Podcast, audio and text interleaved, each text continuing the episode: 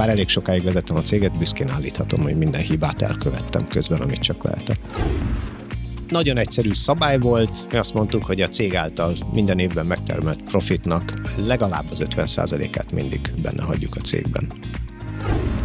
Ami az egésznek véget vet, az mindig az, hogy kifogy a szufla az alapítóból.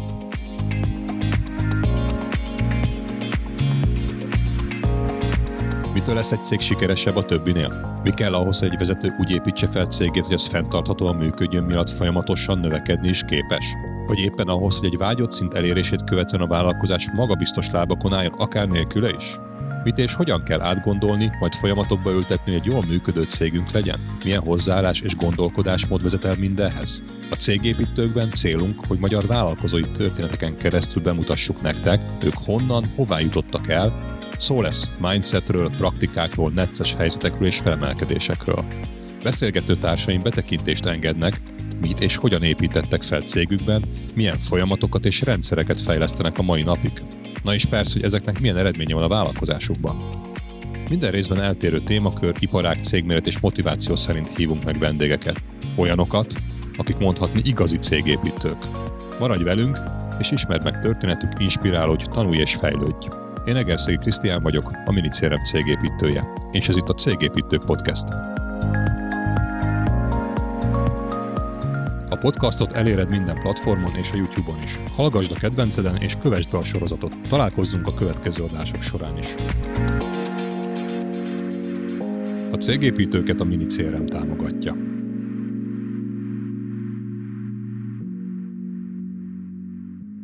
Mai vendégem 15 év alatt építette fel a cégét.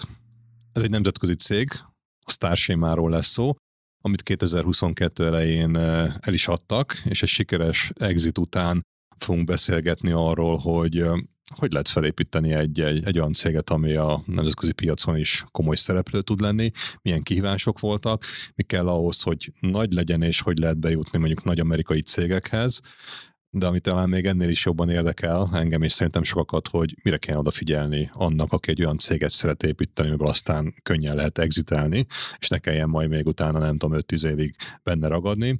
És ez sikerült Csillag Petinek, aki, aki a Starsimának az egyik alapítója, ezt megugrani, úgyhogy én vele fog beszélgetni a mai napon. Köszönöm szépen, Peti, hogy elfogadtad a meghívásomat, és itt vagy velünk. Én is köszönöm a meghívást, és sziasztok!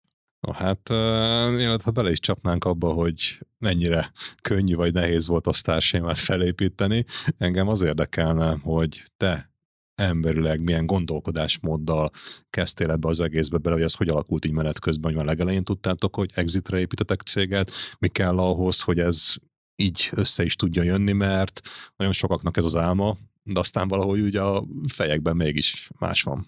Nem, mi nem exitre építettük a céget. Igazság szerint nem is tudom, hogy mire építettük a céget az elején. Ha nagyon őszinte vagyok, akkor azt szoktam mondani, hogy milyen kényszervállalkozók voltunk annak idején. Ugye 15 évvel ezelőtt az IT piac még úgy nézett ki, hogy voltak nagy tanácsadó cégek, vagy nagy technológiai cégek, és hogyha ők a saját technológiájukkal projektet csináltak, akkor pool cégekből embereket gyűjtöttek maguk köré, és ilyen pulzáló mozgással elindult a projekt, akkor beszippantották őket, és a véget ért, akkor elengedték őket. Ezzel nagyon jó magasan tudták tartani a profitrátájukat. Cserébe viszont azért nem alakult ki egy ilyen igazán erős, koherens csapat körülöttük. Én ilyen pool cégeknek dolgoztam, és amin gondolkodtam, hogy, hogy jó lenne a táplálékláncban egy kicsit följebb lépni, tehát kicsit nem, nem csak a saját munka erőmet, munkaidőmet eladni óráról órára, hanem esetleg másokét is, vagy pláne, hogyha projekteket úgy csinálunk meg, ami nem óra alapú, hanem fix price, akkor hogy esetleg ezt a profitrátát azzal is a földgyülemlő tudással, technológiával is egy kicsit följebb lehet tornázni. Illetve hát ami még a cégalapításban a fejünkben volt, egyszerűen csak egy kicsit jobbat akartunk csinálni. Tehát láttuk egy csomó cégnél, hogy mindenki, aki dolgozott sok cégnél, látott jó és rossz példákat, és próbáltunk olyat csinálni, amiben a rossz példák nincsenek meg. Tehát, hogy jobb, jobb ott dolgozni. És ez mennyire volt a szemed előtt, hogy akkor itt már nem csak a szakma lesz, hanem ezzel ilyen egy csomó minden kényszerű nyűg adminisztráció, egyebek, ami ugye a céggel jár. Fogalmam se volt róla. Tehát, Akkor hogy belefejest a így, így, igen, igen, tehát hogy ezt is szoktam mondani, hogy mi nagyon büszkén arccal vettünk le minden problémát. Tehát, hogy egy bátran előre mindennek neki mentünk, és akkor koppantunk sokszor. Itt persze lehetett volna okosabban csinálni, kevesebbet koppanni, Viszont ezekből nagyon gyorsan tanul olyankor az ember, mert hogy fájdalmas, tehát hogy elfogy a pénz, és akkor nem tudod tolni a céget tovább, mert nem tudod kifizetni az embereidet. Elfogynak az ügyfelek, vagy, vagy épp sok a megrendelés, és nincs elég ember, és akkor ezt nem láttad előre jönni.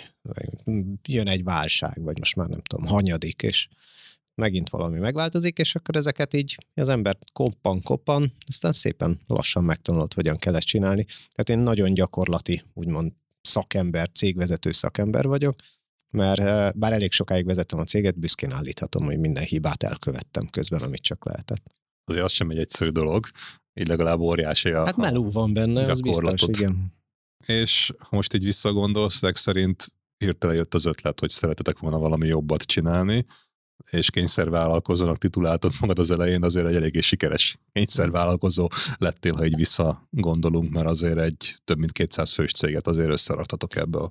Igen, ami talán megkülönböztetett minket, biztos van egy csomó dolog, de amire emlékszem az az, hogy rátaláltunk egy-két sikeres dologra, ami lehet mázli is, de, de tudtunk élni ezekkel a lehetőségekkel. Tehát uh, például az, hogy mi úgy indultunk el, hogy jó, szeretnénk erőforrás biztosító cég lenni, de az első projektünk mindjárt egy fix price-os projekt volt, ahol pont egy olyan problémát kellett megoldani, ami, amit más nem vállalt el. Tehát egy nehéz, technológiailag macerás, olyan probléma, amit nem tud például 20-50 ember megoldani, hanem csak három vagy négy okos ember tud speciálisan arra a feladatra rákészülve megoldani. És rájöttünk, hogy van egy ilyen szegmens a piacon, ugye mi adatos technológiákkal foglalkoztunk, de hogy nem csak ott, mindenhol máshol, van egy szűk szegmens, ahol nem tömeggel, nem sok emberrel, na, nem nagy projektszervezetekkel kell problémákat megoldani, fejlesztéseket megcsinálni, hanem technikailag valami nagyon speciálisat kell adni, amit más nem tud. Akkor ezek szerint már az elején azért megkülönböztetitek magatokat, mert ugye IT cég, erőforrás, ez lehet bármi, uh-huh. ugye fejlesztünk. Viszont te, ha jól értem, akkor itt azonosítottad egy olyan területét a piacnak, ahol, ahol igazából nem focizott senki más. Igen. Hát kevesen. kevesen. Mondjuk így, hogy, hogy fölismertük. Egyrészt fölismertük a problémát, megoldottuk, ott egyszer sikeresen, és utána rájöttünk, hogy ilyen viszont máshol is van. És lehet a cégnek egy olyan irányt szabni, egy olyan níst, hogyha megtalálsz, és ott nyitott szemmel kell járni, hogyha viszont már megvan, akkor arra rá taníthatod a cégedet, hogy abban viszont te legyél az a megoldó. Ennek a nisnek nem kell feltétlenül a céged kór tevékenységének lenni. Már úgy értem, hogy nem kell feltétlenül ebből a legtöbb bevételt szerezni. Mert a Starship üzleti modelljében is jellemző volt, hogy voltak ilyen eh, freestyler, kommandós srácok a, a cégnél, akik pont az előbb elmondott probléma megoldásban voltak nagyon jók, oda mentek egy idegen céghez, egy nehéz terepre, egy nehéz problémát, amiben esetleg sokan elbuktak, és kvázi mindentől függetlenül nagyon innovatívan, nagyon gyorsan megoldottak egy problémát. Viszont ez a Starship tevékenységének egy kis része volt, mert utána ott maradt, már ott voltunk ennél az ügyfélnél, ott is maradtunk, és a klasszikus sales, account managementtel, információgyűjtéssel elkezdtük gyűjteni, hogy milyen egyéb problémáik vannak. És nagyon sokszor belütköztünk abba, hogy ja, és egyébként rendbe kell tenni azt is, hogy az adatok eljussanak innen oda, hogy hogyan tároljuk, hogy magasak az üzemeltetési költségei valami adatos rendszernek, stb. Ezek viszonylag klasszikus problémák, volt egy jó referenciánk, volt egy jó együttműködési alap ezekkel az ügyfelekkel, és onnantól fogva viszont a nagyobb volumenű, hát néha unalmasabb munkákat viszont el tudtuk hozni, és a bevételünk nagy része ezekből származott. Azért ez mennyire érdekes, amit most mondtál, hogy amivel kezdtetek meg, amiben nagyon jók voltatok, igazából nem abból éltetek és ez arra nagyon jó volt, hogy kvázi így, ha jól értem, akkor ez volt nektek a, nem tudom, marketingetek, a csalitok, a, a, így, így, így jutottatok be a cégekhez, hogy igen, igen, igen. Hát magatokat. ez a, ugye szokták mondani, ez a, a foot in the door, tehát hogy, hogy hogyan jutsz be e, egy céghez, és az nem feltétlenül az, amivel ha már bent vagy, ott elkezdesz pénzt csinálni. Ebből is volt pénz, ebből is volt bevétel egyébként, és szerintem a kettőnek nagyon jól, tehát fontos ilyen összekapcsoló része volt, hogy hogyan árazod magad. Mert hogyha te azért a piacon téged úgy ismernek, hogy egy speciális megoldás szállító vagy, akkor egy magasabb árkategóriájú, jobb profitrátájú szegmensben tudsz lenni, még akkor is, amikor utána egyébként elkezdesz viszonylag standard ilyen commercial feladatokat elvállalni és olyan problémákat megoldani. Hát igen, mert ezt lehet hallani, hogy ez a, ugye a klasszikus viccként szokták mondani az indiai ügyfélszolgálatos, uh-huh. hogy akkor ott elárasztanak minket majd keletről a erőforrással, de akkor itt ti megoldottátok azt, hogy igazából ugyanez volt, hogy ti is a kvázi jól tervezhető informatikai fejlesztési nem nagy kihívást, vagy nem a legnagyobb kihívás jelentő munkából éltetek, viszont a extrém dolgokkal szereztétek meg az ügyfeleket. Innentől kezdve az árazás is mindjárt más ligából Így indul. van, illetve hát azért a, a, a alapprojektjeink is valószínűleg izgalmasabbak voltak, mint a nagyon standard, nem tudom, alkalmazás üzemeltetés, vagy a megcsináltunk már 25-öt, csináljuk meg a 26-at is. Tehát nálunk ugye az adattechnológia, mi, amikor a Starship alapult, akkor nagyon jól meg tudtuk lovagolni ezt a úgynevezett big data hullámot. Tehát 2006-ban alapítottuk a céget, ott volt két-három béke év, jött egy gazdasági válság, voltak mindenféle Igazság szerint nem nekünk voltak nehézségeink, a piacnak voltak nehézségei, mi olyan szempontból nagyon élveztük, mint ahogy én most is a mostani válságot is élvezem, hogy mindenképp tisztul a piac, és kipotyogott mellőlünk egy csomó versenytárs, piacot tudtunk szerezni, a legrosszabb évünkben ott egy stagnálás volt, ami azt jelentette, hogy mi meg tudtuk a méretünket őrizni, miközben a legtöbb versenytársunk 30-40 százalékot akkor csökkent. Ez azt jelentette, hogy be tudtunk jutni olyan új ügyfelekhez, ahol korábban még nem voltunk, és onnantól el tudtunk kezdeni növekedni. És nagyon jól működött ez, ez nálunk sokáig, hogy voltak izgalmas feladatok, voltak projektek, amik talán egy kicsit unalmasabbak voltak, de volt egy csomó, ami ennek a kombinációja volt azért tudtad jól, kvázi egy unalmas standard technológiával megvalósítani az egyik projektet, mert egyébként volt előtte egy olyan innováció, ami ezt lehetővé tette. Ez egy ilyen, ilyen kicsit ilyen kombinált uh, image is volt a cég uh, életében, amit a piac felé mutattunk, hogy azért érdemes velünk dolgozni, mert mi egy ilyet tudunk, amit azért más nem a piacon.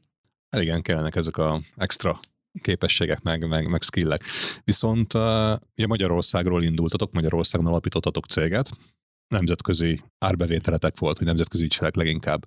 Ez már az elejétől fogva így volt, vagy pedig elindultatok azért Magyarországon, és előbb-utóbb majd kitekingettetek külföldre? Mi Magyarországon indultunk, de az első ügyfelünk is, és utána szinte az összes ügyfelünk multi cégeknek a magyarországi leányai voltak.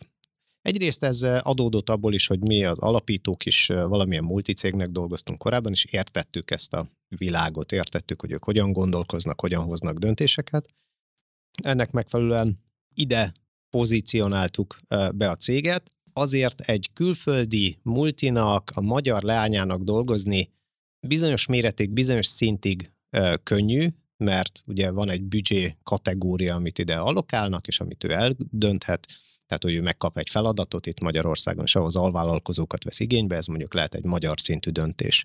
De a Starship életében viszonylag gyorsan eljött az a pillanat, amikor el tudott kezdeni növekedni a cég, és kinőttük a magyar ö, ilyen multi leányok döntéshozatali szintjét és nekünk a külföldi árbevételünk először onnan jött, hogy ügyesen ezt át tud, le tudtuk tárgyalni, és át tudtuk kötni a szerződéseinket a magyar leánycégekről a, a külföldi headquarterekhez. Tehát ugyanannak a cégnek, aminek idáig a magyar entitásának dolgoztunk, elkezdtünk egy idő után a külföldi entitásnak dolgozni. Amit mondtál, az igazából nagyjából nagyon sok cégnek az álma, vagy a célja, hogy ugye a magyar top cégek ugye dolgozzon, viszont itt, ha jól értem, akkor szakmai alapon túlnőtetek a magyar területeken, Igen. vagy méreteken. Igen, és ez is egy, egy, egy mázlis időszak volt, ez is ez a big data hullámhoz kapcsolódik. Akkoriban Magyarország egy nagyon jó pozícióban volt, mert elég olcsók voltunk ahhoz, hogy sok shared service center, meg IT hub, meg fejlesztőközpont jött Magyarországra, és a nagy multinak ugyanezt megcsinálni New Yorkban nagyon drága lett volna,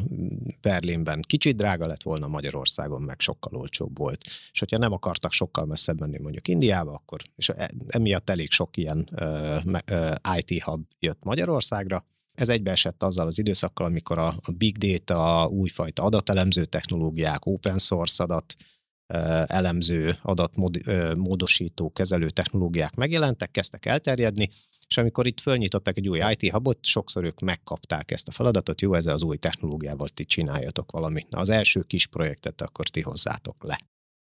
Nekünk az volt a mázlink, hogy előtte kezdtünk ezekkel a technológiákkal egy-két évvel foglalkozni, és már volt egy csomó referenciánk, volt uh, trén, letrénelt emberünk, és nem volt versenytársunk a piacon. Hát hiszen miért is csináltak volna ideig, mert ideig nem nagyon volt ennek piaca itt Kelet-Európában, meg pláne Magyarországon.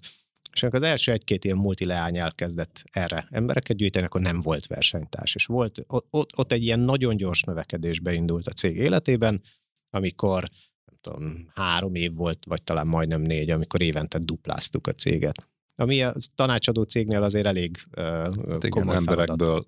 emberi időből éltetek, igen, azért igen. az nem egyszerű. Tehát, ott, tehát ott, ott volt olyan, hogy mondjuk egy új irodaterületet béreltünk, felújítottuk, és negyed év múlva kinőttük.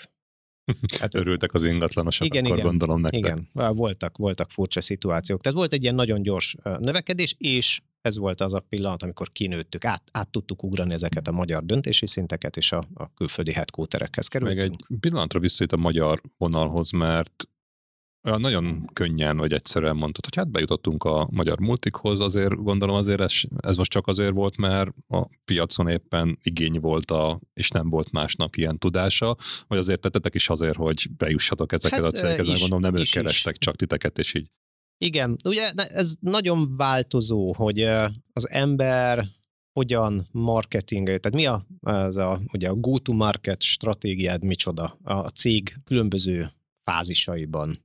És amikor elindul a cég, akkor nem nagyon tud más lenni, mint hogy a, az alapítók saját piaci brandjüket azt meghosszabbítják és kiterjesztik a cégre. Tehát az első megrendeléseket igen, azért kaptuk, mert én előtte nem tudom, sok évig már adatos technológiákkal dolgozunk. Meg hányan voltatok? Tehát, hogy mondod, Az alapítók... első projektet négyen csináltuk, alapítók pedig ketten voltunk. És akkor egy ilyen kvázi régmúlt kapcsolatrendszer, tudás, abból elindultatok. Így van, és ezzel nincs is semmi baj, hogy az első egy-két évben így indítod a projektet, de benned már megbíznak, neked van egy, egy piaci reputációd, akkor ezt kiterjeszteted a cégedre, ami egyébként nem sokkal több, mint te magad, hiszen egy ember helyett mondjuk négy emberes a cég, akkor, akkor az már elhiszik, hogy azok a srácok is jók és megcsinálják. Ami viszont egy csapda, hogy ebben nem szabad benne, benne ragadni. Tovább kell lépni, és el kell kezdeni a cégnek saját magának egy reputációt fölépíteni. És en, en, erre van egy csomó módszer, mi is jártunk konferenciákra, elég gyorsan elkezdtünk elő, előadóként megjelenni, meg szponzoráltunk konferenciákat, illetve a content marketing, amire viszonylag gyorsan rátaláltunk, Akkoriban ez a céges blog volt, most már mindenféle egyéb csatornákon is, ugye például podcaston is lehet nagyon sok okosat mondani a, a piac számára. Amiben mi viszonylag korán léptünk, az az, hogy elkezdtük ezt komolyan csinálni. Tehát amikor nem csak az volt, hogy egyébként a junior munkatársak szabad idejét megkértük, hogy keresetek valami izgalmas külföldi cikket, fordítsátok le, és akkor majd izé, lektoráljuk, és akkor ez egy, nem tudom, három óra munka maximum, és akkor kimehet a céges blogra, hanem mi nagyon korán elkezdtünk abba investálni, hogy a, a kollégák, akik egyébként nagyon innovatívak, probléma megoldók, stb. kicsit a piac előtt járnak, amit látnak, amit tapasztalnak, azt ne csak örüljenek neki, és este a sörözésnél mondják el egymásnak, hú, de kurva jót láttam, mert hogy ez nagyon jó volt, hanem tegyenek bele akkor még egy, vagy kettő, vagy három nap munkát, dolgozzák ki, és dokumentálják le, és írják ki egy céges blogba. Magyarán a drága ember idejét áldoztátok a content marketingre. Ez egy drága és ez... stratégia volt egyébként, viszont így tudtunk olyan szintű blogot, contentet kialakítani, ami a legkomolyabb szakmai potenciális vevőjelölteket is oda vonzotta, és olvasóivá váltak. És ez sem magyar, sem nemzetközi szinten nem csinálta lényegében senki, hát, hogy kiemelkedtek, vagy kevesen? Nemzetközileg igen, Magyarországon akkoriban még ezt nagyon nem. nem. Tehát, hogy ennyi munkát egy blogba, ennyire erős szakmai tartalmat nem raktak ki. Tehát, hogy nekünk például, és ebbe az alapító társam Földi Tomi volt nagyon zseniális, egyrészt nagyon jó érzékkel találta meg ezeket a témákat, meg tényleg nagyon jól, sok munkával, nagyon jó minőségű anyagokat gyártott, és mondok egy példát, amikor volt ez a, ez a Log4j, ez a Java logolós para, nem tudom mennyire emlékeztek, kiderült, hogy valami a legelterjedtebb ilyen, ilyen jávás programokban használt logolós technológiában valami security bugot találtak, föltörhető volt, és a logoló rendszeren keresztül kvázi minden applikációt meg lehetett hackelni.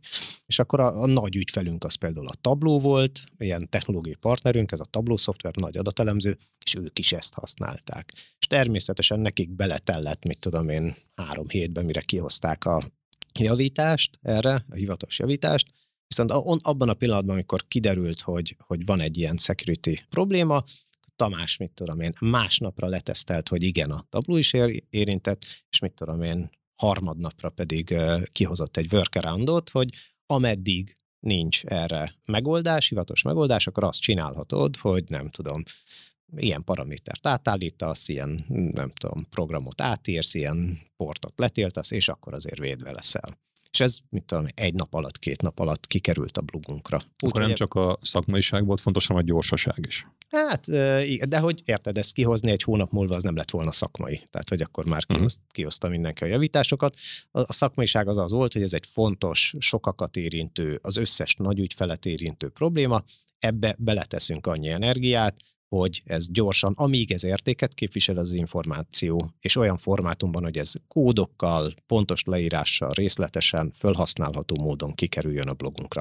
Ezt adhattuk volna pénzért is, és akkor két ügyfélhez vagy három ügyfélhez eladtuk volna, vagy kiraktuk a blogunkra, és akkor azt láttuk, hogy a következő konferencián oda mennek a Tamáshoz, és mit tudom én, a 50 legnagyobb tabló felhasználó a hátát veregeti, mert hogy de jó fejek vagytok, srácok, hogy akkor ezt kiraktátok. Plusz elértétek ezzel azt is, hogy kvázi ez a marketing bullshit, az a szó, ami szoktak mindig mondani az emberek, hogy ti megmutattátok, hogy itt van a szakmai tartalom, tehát hogy tényleg értetek hozzá, nem csak dumáltok róla.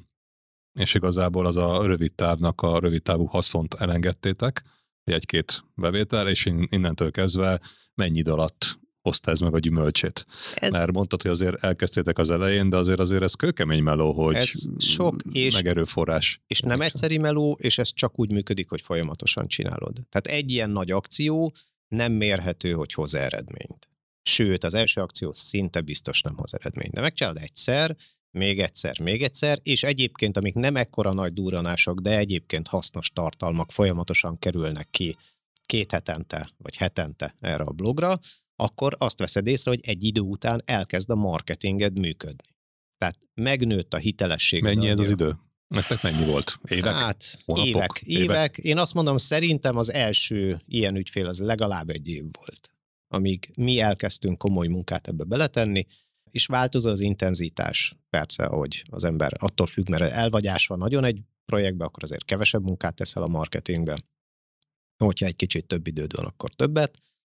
Én azt mondom, hogy szerintem legalább egy év, mire így beleivódsz annyira a piacba, annyira a szereplők, potenciális vásárlók megismernek, a, a, a bizalom annyira fölépül, hogy utána szembe jön velük egy hirdetés, találkoztok egy konferencián, hallják egy előadásodat valahol, ahol azt mondod, hogy így vagy úgy érdemes valamit megcsinálni, akkor már elhiszik. Mert olvasták tőled háromszor, és mind a háromszor tudtak egy pozitív, ingyenesen kaptak valami pozitív információt, valami használhatót abból a... És ezt meddig csináltátok? Ez csak az elején, néhány Nem, évig, vagy pedig ez még mindig még van, mai, mai mindig van változó intenzitással, és a szereplők változtak. Tehát nagyon sokáig volt, amikor én írtam, volt, amikor a Tamással közösen írtuk, és aztán utána egy, egy, egyre több embert bevontunk, és ez, ez most, illetve most már több blogja is van a Stársimának, szóval hozzá kell tenni, már nem vagyok a Stársima alkalmazottja. Hivatalosan természetesen nem nyilatkozhatok, nem biztos, hogy így van, de én úgy tudom, hogy most is írják ezeket. A... De ezt bárki meg tudja nézni, igen, igen, az interneten. Igen, igen. És egy több területen, tehát hogy több szakmai területen folyik ez a szakmai munka. És akkor igazából elindultatok saját kapcsolatrendszerrel a legelején, utána elkezdtétek nyomni ezt a content marketinget, ami évek alatt fölépült, hogy eljussatok oda, hogy akkor a multik magyar leányvállalatainak lettek az ügyfeleik, és akkor nekik dolgoztatok. Ez időben ez így mekkora idősávot fedünk le azzal, hogy elindultatok, és utána azt mondtad, hogy elkezdődött az, hogy már túlnőttetek a magyar multikon, és a külföldi uh-huh. multikkal kezdtetek el szerződni. Nehéz megmondani. Ugye 2006-ban indultunk, az igazán gyors növekedésünk olyan 2013-ban indult. Tehát, hogy azért az hét év. Én arra emlékszem, az, az egy ilyen izgalmas pillanat volt, hogy az első két-három évet kvázi túl kell élni. Amikor Aha. így megtalálod, különösen nekünk, hogy fogalmatlanul indultunk neki a, a vállalkozósdinak, és nem tudtuk, hogy mit miért csinálunk. Első két-három évben egy kicsit a helyünkre rázódtunk, és megtaláltuk a piacot, és a piac is megtalált minket, mert láttuk, hogy tudunk működni. És utána volt egy olyan fázis, ahol persze voltak sikeresebb, meg kevésbé sikeres évek, de minden évben azért sok malóval tudtunk nőni, kicsit hozzá tudtunk rakni, és amikor eljutottunk eddig a 2011-2 évig, már át túléltük a válságot, már elindult a piac fölfelé, és ott láttuk azt egyébként, hogy minden évben tudtunk növekedni, és nem csak a működésünk fenntartható, hanem ez a növekedés is fenntartható. Tehát ott volt egy olyan fölismerés, ahol rá kellett jönnünk, hogy ebből lehet valami nagyobb. Akkor mekkora volt a cég? Nagyjából árbevétel létszám 12-15 fő. Aha. És akkor nem tudom, biztos volt 150-200 millió forint. És akkor utána jött az a kvázi bedúranás, igen, tehát hogy azt, azt láttuk, hogy egyébként ez, amit csinálunk, nem csak azért fenntartható, mert megélünk belőle, meg jövőre is megre, lesz megrendelésünk, meg akkor nem tudom, lesznek új ügyfeleink, hanem az, hogy ezt, hogyha folyamatosan csináljuk, és mindig tanulunk, és egyre új, újabb dolgokat hozzárakunk, és, és abból is kiszelektáljuk, leteszteljük, mi működik, mi nem, és megint tovább építjük. Tehát egy ilyen az innovációt beépítjük a cégbe, a mindennapjaiba, és e, emiatt az egész cég tud folyamatosan fejlődni, és mi vezetőként is tudunk folyamatosan fejlődni. Ez egy, ez egy fenntartható dolog. Ez éveken át tud működni, és hogyha minden évben rárakunk egy 20-30-50-100 százalékos növekedést, akkor a végén ez egy nagy cég lesz. Tehát ott, ott ismertük fel azt, hogy nem csak az évente megkeresett profit az, ami a, a, ami nyereségünk lehet, hanem föl tudunk építeni egy olyan céget, ami önmagában egy értéket képvisel. És akkor úgy kérdezted az elején, hogy akkor ezt az exit, ez, ez hogy jön képbe. Ott ezt fölismertük, hogy tudunk egy olyat építeni, ami önmagában értékes. Nem csak azért, mert minden nap ott állunk és lapátolunk benne, hanem azért, mert a piac azt fogja hinni róla, hogy ez egy, ez egy működő modell, és érdemes pénzt adni érte. Egyébként ez mennyire jellemző, mert, mert mondhatnánk azt, hogy pláne IT-ben, hogy jönnek folyamatosan az új technológiák, elvileg rá kéne, hogy kényszerítse a piac az összes, most beszéljünk magyar cégekről, hogy, hogy tanuljanak, újakat alkalmazzanak, új dolgokat alkalmazzanak. Ez nem így van? Mert nem, most, ha jól értem, akkor most, amit elmondtál, ez igazából nem, az innováció nem az volt, hogy ezt talán uh-huh. kitaláltátok, mert fölismertétek, uh-huh. hogyha az innovatív uh-huh. megoldásokat használjátok, akkor keresetek lesztek a piacon. Igen. De ez olyan, olyan elmész egy, nem tudom, tök más iparágba, akkor az teljesen normális, nem? Ja, nem feltétlenül. Tehát, hogy inkább azt mondanám, hogy attól, mert ez igaznak tűnik, nem feltétlenül minden más stratégia rossz. Vagy más, más stratégiák tudnak jól működni rövid távon és hosszú távon. A, a mi felismerésünk az az volt, hogy ez hosszú távon, ez jó lesz. Tehát az, hogy, hogy minden, az adott évben Egyébként voltak évek, meg borzalmas profitokat csináltunk. Tehát, hogy amikor már nagyobb volt a cég, meg sokat kerestünk, és minden pénzünket elköltöttük újabb és újabb projektekre, kvázi mindenre igent mondtunk, vagy majdnem mindenre igent mondtunk, hogy azt is meg tudjuk csinálni, azt is megpróbáljuk, stb. Ezek között egy csomó egyébként elég szarul sikerült. Uh-huh. Nem, mhm. nem az, hogy nem csináltuk meg, mert általában mindent megcsináltunk, de hogy mondjuk nem hozott profitot, vagy többet költöttünk. Utólag visszagondolva nem kellett igen, volna igen. más más é, hát a vagy tanulás miatt? A tanulás miatt egyébként megérte. Tehát az, hogy sok mindenre mondasz igen, sok mindent kipróbálsz, hogyha okos vagy, akkor ebből kiszűröd, hogy mi az, ami nem működik, és akkor legközebb nem az a feladat, hogy nem mondasz igent olyan dolgokra, amikben bizonytalan vagy, de amiben már biztos vagy, hogy nem működik, legalább azokat szűrt ki. Hát igen, mert ötletből rengeteg van, igen, több, mint igen, amennyi igen. meg erőforrásunk. És, és ez, tehát, hogy ez, ez nálunk működött, de egyébként az, hogyha egy vállalkozóként valaki azt mondja, hogy én a tutira megyek, én tudom, hogy ez az üzleti modell a jelenlegi környezetben működik, és a következő öt évben működni fog, és tudom, hogy milyen embereknek, milyen értékajánlattal, milyen terméket, szolgáltatást kell odavinni, amit most megvesznek, és még öt évig meg fognak venni, és azt ilyen jó profitrátával fogom tudni nekik szállítani. Ez egy tök valid vállalkozási ilyen, ilyen szkenárió. Persze, hát csináld. Hát viszont, igen, csak rá kell jönni, hogy mi az, ami Viszont öt év után ez meg tud dögleni. Tehát, hogy kimegy alólad a piac, már nem ez a termék lesz jó, már nem tudod jó áron beszerezni, vagy legyártani, stb. stb. Tehát bármi megváltozik, és te a cégedet arra építetted, hogy nem innovál, hanem egy szegmensben arra optimalizálja folyamatosan magát, hogy, hogy abban legyen minél hatékonyabb, de nincs benne a cég kultúrában az, hogy megváltozhat körülötted a piac. Akkor is meg fog változni, csak akkor neked annyira rigid és merev lesz a céged, a szervezeted, hogy ez el fog törni. Viszont volt jó öt éved, amikor jól kerestél. Tehát ez egy másfajta üzleti stratégia. Hát igen, ez egy jó kérdés, és egy nagyon, nagyon nagy kérdés, ezt felismerik-e a magyar KKV-k leginkább vezetői. Ezt érdemes lenne talán egyszer majd felismerni. És a másik, amit elmondtál, elvileg ugye az ötlet, hogy mit kéne csinálni, az nem egy túl komplex, bonyolult dolog. Az hiteles szakmai tartalmat építeni, innovatív technológiákat megtanulni, ismerni. Ha most valaki elkezdeni ugyanezt csinálni, így IT-ban szerinted működne ez ma is? Vagy pedig azért nektek volt több dolog, ami uh-huh. segítette annó az elindulást, meg a felfutást?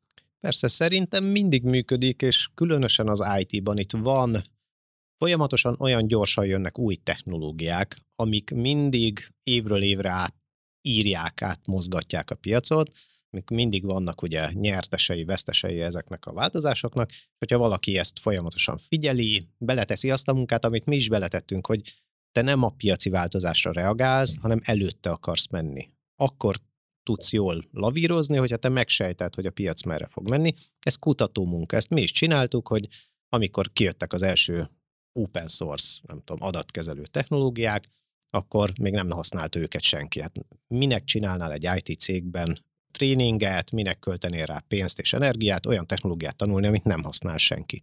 Hát azért, mert hogyha van egy olyan sejtésed, hogy erre felé megy a piac, akkor a piacra került öt új technológiából ki akarod deríteni, hogy melyik kettő az, amelyik valószínűleg a piac csúcsán lesz és fog vele működni, ezért végigpróbáltuk mind az ötöt, és a két legígéretesebből egyre tréningeztünk, a másikkal meg azért egy kicsit foglalkoztunk. És akkor tényleg a felé ment a piac, és ezzel tudtunk piacot szerezni, hogy amikor viszont volt egy duranás, amikor a technológia előre szaladt, és a konzultációs kapacitásokat keresték a cégek, hogy jó-jó, de ki lesz az, aki ezzel megcsinálja valóban a projektet, nem volt más a piacon, csak mi. Ugyanezt most is meg lehet csinálni, csak előre kell menni, vagy elé kell menni a piacnak. Tehát, hogy aki most chat GPT szakértést akar eladni, az már el van késve. Mert hogy ez már ott van a piacon, és már mindenki ezzel foglalkozik. Azt kéne megnézni és megsejteni, hogy mi lesz egyébként jövőre, vagy két év múlva, amiben beleteszek hat hónapnyi olyan munkát, hogy nem, nem az összes erőforrásomat, mert persze az embereim és a cégem nagy része az profitot termel is napi problémákkal küzd, de hogy legyen a szabad kapacitásom arra, hogy, hogy folyamatosan tesztelgessem a piacot, hogy mi lesz egy év múlva, két év múlva. Egy komoly befektetés. Lesz. Így van.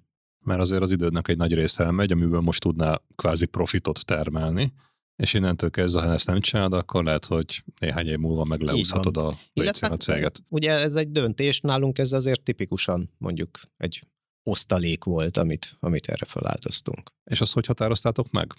ami nem fájt, inger küszöbb alatti tétel legyen, vagy pedig volt egy tudatos döntés, hogy nem tudom, a cég által megtermelt nyereségnek a nem tudom, x százalékát ilyen célra uh-huh. fogjátok elkölteni. Ebbe talán én voltam egy ilyen klasszik, nagyon egyszerű szabály volt, most így visszaemlékezve, mi azt mondtuk, hogy a cég által minden évben megtermelt profitnak legalább az 50 százalékát mindig benne hagyjuk a cégben és hogyha bizonyos mennyiségnél kevesebb volt a profikat, akkor a száz százalékát, tehát akkor nem vettünk fel osztalékot. És ez 15 évig igaz volt. Tehát voltak évek, amikor jól ment a cég, és vettünk ki osztalékot, emlékeim szerint 50 százaléknál többet sose. És akkor azt viszont kötelezően kvázi el is költöttétek valamilyen újdonságra vagy fejlesztésre, hát, nem a bankba hagytátok, és hogy kamatozzon, ugye ez egy... Tehát szerintem nincs olyan cég, akinek pénze van, hogy az ott, az ott tud nyugodtan pihenni, vagy megpókálósodik a bankban. Tehát, hogyha pénzed van, az úgy is elköltöd, majd később talán beszélünk ugye a kockázati tőke befektetésekről, ez ott is igaz, e, és megtalálja a helyét. A vállalkozónak a dolga az az, hogy ez jól égjen el ez a pénz, tehát hogy hasznot termeljen, legyen belőle valami return, rövid távon, hosszú távon. És akkor nektek igazából ez volt az, hogy aminek az eredmény az, hogy a magyar multiktól a nemzetközi multik irányába hmm. mentetek át. Itt szépen rakosgattuk össze ezeket a kis, kis innovációkat, kis üzleti modellecskéket, jó működik a content, tök jó, akkor nem tudom, elkezdtünk, egy brand, viszonylag hamar kezdtünk el brandet építeni Magyarországon. Nagyon sok, még mindig nagyon sok ilyen csöndes IT cég van, akinek nincs arca, nincs brandje Magyarországon, emiatt sok, nagyon nehéz, egy, egy jól működő cég, de így is nehéz mondjuk új munkavállalókat fölvenni mert hogy nem valaki kívülről ránéz, és nem tudod eldönteni, hogy akarsz-e ott dolgozni, vagy sem. Hát igen, mert a Google-höz mindenki elmenne, de Így egy non magyar cég, ez aki egyébként lehet, hogy szakmai marom jó, ahhoz Így meg van, senki. Nem. És akkor mi is el, rájöttünk, el kell kezdeni brandet építeni, és ez is, mit tudom, tizen sok évvel ezelőtt történt, amikor még ebből kevés volt, de akkor már nem tudom, adtunk ki. Nagyon egyszerűen először csak ilyen úgynevezett sikerkommunikáció, tehát hogy a sajtónak pötyögtettünk információt, hogy mit csinálunk, meg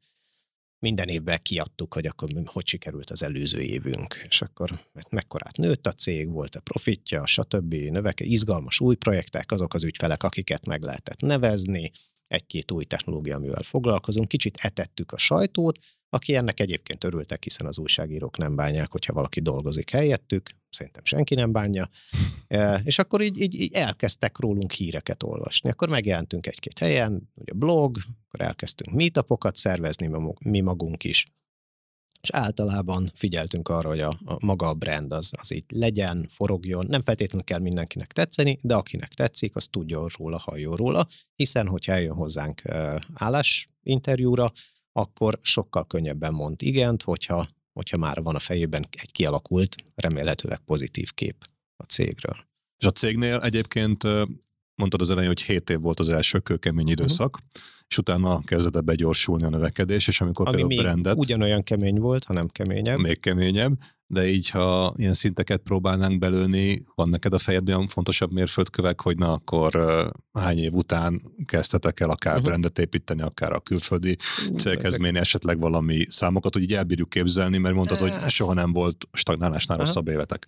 Így van, nem, nem tudnék évet rendelni hozzá. Arra emlékszem, hogy ezek mind volt, voltak olyan időszak, amikor éreztük, hogy valami nem jó, hogy nőjük ki a kitimpáncélt, ott valahol szűk meg szorít, próbálkoztunk, megteszteltünk egy-két dolgot, és ami, ami így rájöttünk, hogy az működik, akkor elkezdtük használni. De akkor mindig volt egy csomó más terület. Tehát, hogy egy cég növekedése során mindig máshol szorít a kabát, vagy a cipő, vagy amit éppen cég, mit visel egy cég? Irodát. Tehát máshol szorít az iroda. Ezt mi is éreztük, kinőttük a irodát, és akkor kellett új irodaterület. Aztán kinőttük, kiderült, hogy egy bizonyos létszám fölött nem kell back office. Tehát ugye akkor még mindenki járt irodába, kis kivétellel mindenki járt irodába, oda jönnek egy helyre egy csomó ember, akkor, akkor az, hogy ők hogy töltik el ott az idejüket, hogy milyen szolgáltatást kapnak az irodától, ezt, ezt egy ilyen office szolgáltatás kellett. És akkor csináltunk egy ilyet jó, jó, de akkor már nagyon macerás volt, sokfajta ember, sok mindent csinált, sok pénzt költöttünk, akkor kell valami pénzügy. Csináltunk pénzügyet, controllingot.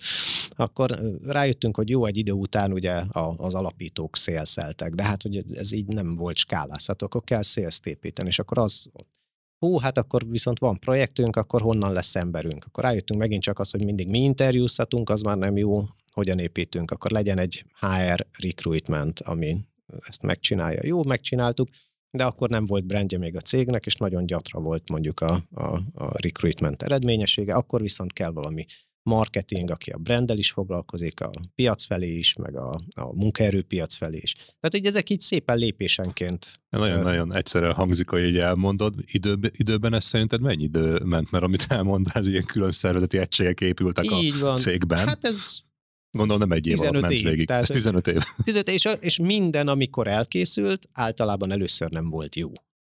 Megcsináltuk, hát akkor kell pénzügy, megcsináltuk az első pénzügyet, fölvettünk oda egy embert, akit egyébként mi nem értettünk hozzá, ezért úgy vettük őt föl, hogy akkor majd ő tudja. Ez a legrosszabb. Tehát nem tudsz úgy fölvenni valakit, hogy te nem értesz hozzá, de megtalálod azt az embert, aki ért, és helyetted megcsinálja. Ez így nem működik. Tehát te vagy a cégvezető, ennek az embernek a munkáért felelősséget kell vállalnod, és ő is azt várja tőled, hogy egyébként azért a fő irányvonalakat, mert hogy pénzügyet is csinálni, nem tudom, ezerféleképpen lehet, a fő irányvonalakat neked kell kitűzni, megmutatni. Kérdései lesznek, amikre válaszolnod kell. Tehát először rá kellett jönnünk, és ez is évekig tartott, hogy mindig egy adott területet meg kell legalább alapszinten nekünk ismernünk, elképzelésünknek kell lenni, hogy milyen modellben akarunk azon a területen működni, és arra tudunk egy jó embert fölvenni, aki okos, oda jön, és azt mondja, hogy jó, jó, ez a modell, akkor ebben elkezdjük megcsinálni, aztán közben ez lehet, hogy megváltozik, meg kinőjük, meg stb.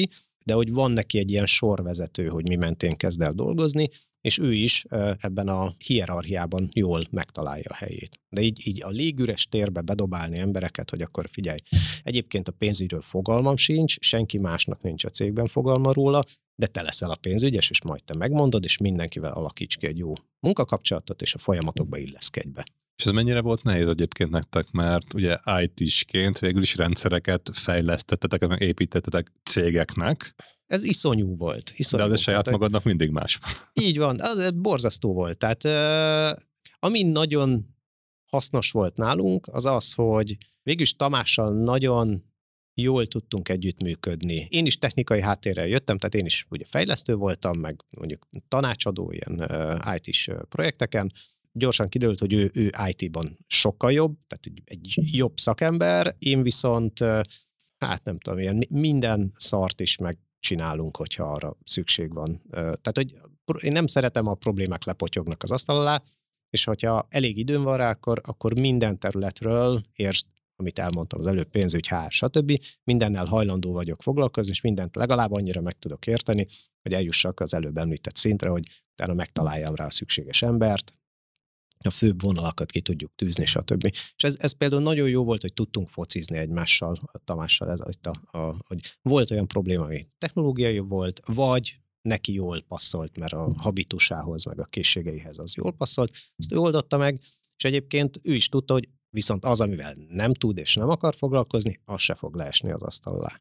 Tehát, hogy az abban Kiegészítettétek egymást. Igen, tehát abban biztos vagyok, hogy volt egy csomó, hogyha neki kellett volna az első, nem tudom, HR-esekkel, pénzügyesekkel vitatkozni, az első könyvelővel kialakítani, hogy egyébként milyen lesz a könyvelési rendszerünk, kitalálni a controllingot, vagy hú, hát amit, mm, ez a befektetői beszélgetések, tehát hogy amikor, nem tudom, hajnéli kettőkor vitatkozol egy befektetővel, hogy mit tudom én, milyen varrantikat akar még beleírni a befektetési szerződésbe, ott egy vehemensebb ember valószínűleg, nem tudom, meg, megskalpolta volna az összes befektetőt a környéken, tehát ezt máshogy, máshogy kell csinálni. És itt, itt ezt jól le tudtuk játszani ezeket. De, de nehéz volt, amiatt volt egy kicsit könnyebb talán, hogy nem egy személyben csináltuk ezt, hanem így, így tudtunk a problémákkal focizni egymás között. Szuper, ez jól hangzik, és még az elején mondtál egy olyat, hogy és most kicsit ezt így érzem benned, hogy a, a Tamás volt az az ember, aki az innovatív újként oda ment, megoldotta a problémát, meg a minden egyébbel is foglalkozunk, és mondtál az üzleti modellnél is egy ilyen dolgot, hogy ezek a ejtőernyős kommandósként bemegyünk és rendet rakunk, amit senki más nem tud megcsinálni, és ezzel kvázi berúgtátok az ajtót, és utána megkaptátok az unalmas, monoton, de hosszú távú és jól fizető projekteket. Ez az üzleti modell, ezt tudatosan épült és maradt is így, és ez nagyjából utána az elejét, nem tudom én, a következő 15 évet is jellemezte, hogy azért ebbe is voltak változások, mert mondtad, hogy a rugalmasság, hogy ne törjön el a cég, azért az, az nagyon fontos. Voltak, voltak változások, különösen ugye méret növekedés miatt. Tehát az, az, hogy van egy 15 fős céged, és ott egyébként persze többfajta ember dolgozik, de hiába mondjuk két-három ember foglalkozik a nagyon izgalmas innovációkkal, és a többi 12 az valami mással, ez a csapat még nem válik szét annyira. Ezek az emberek egy szobában vannak, együtt járnak el kajálni, sokkal erősebb ez a kohézió a, a, a csapattagok között. Amikor ez mondjuk 250 főnél van, akkor sokkal nehezebb ezt az egészet egyben tartani. Tehát, hogy sokkal nehezebb elmagyarázni valakinek, hogy figyelj barátom, tudom, hogy te egy hat hónapos baromi unalmas, nagy multinak végzett ilyen favágó munkán. Izé, de hogy e, értsd meg, erre is szükség van ahhoz, hogy egyébként vannak olyan emberek, akik ennél sokkal izgalmasabbat csinálnak, de majd nem tudom, jön új munka, majd mixeltek, majd az egész keveredik. Nagyobb méretnél sokkal nehezebb ezt a, a, a modellt működtetni. Tehát, hogy ne, nekünk ez volt egy ilyen, ilyen ö, ö, probléma. Működik nagyban is, tehát, hogy vannak olyan, és szerintem minden olyan nagy cég, aki, aki ilyen több száz vagy több ezer főre tud nőni, egyszerűen a problémáknak egy nagyon nagy része az nem izgalmas, hanem ilyen árokásás, tehát hogy meg kell csinálni. Persze lehet árkot, vackot is ásni, mert bedől az oldala, vagy nem tudom, vagy túl drágán csinálod, és akkor ott optimalizálhatsz munkafolyamatokat, tehát mindenben lehet jónak lenni, de az, hogy minden feladatod rettenetesen izgalmas legyen, hát nem tudom. Mindenki azt szeretné, de aztán az élet az mást hoz. Így van, de hogy akkor nem tud megnőni, akkor nem fog megnőni a céged. Akkor nem lesz egy erős piaci pozíciód, mert a legtöbb ügyfélnél az első megoldott izgalmas probléma után neked el kéne menni.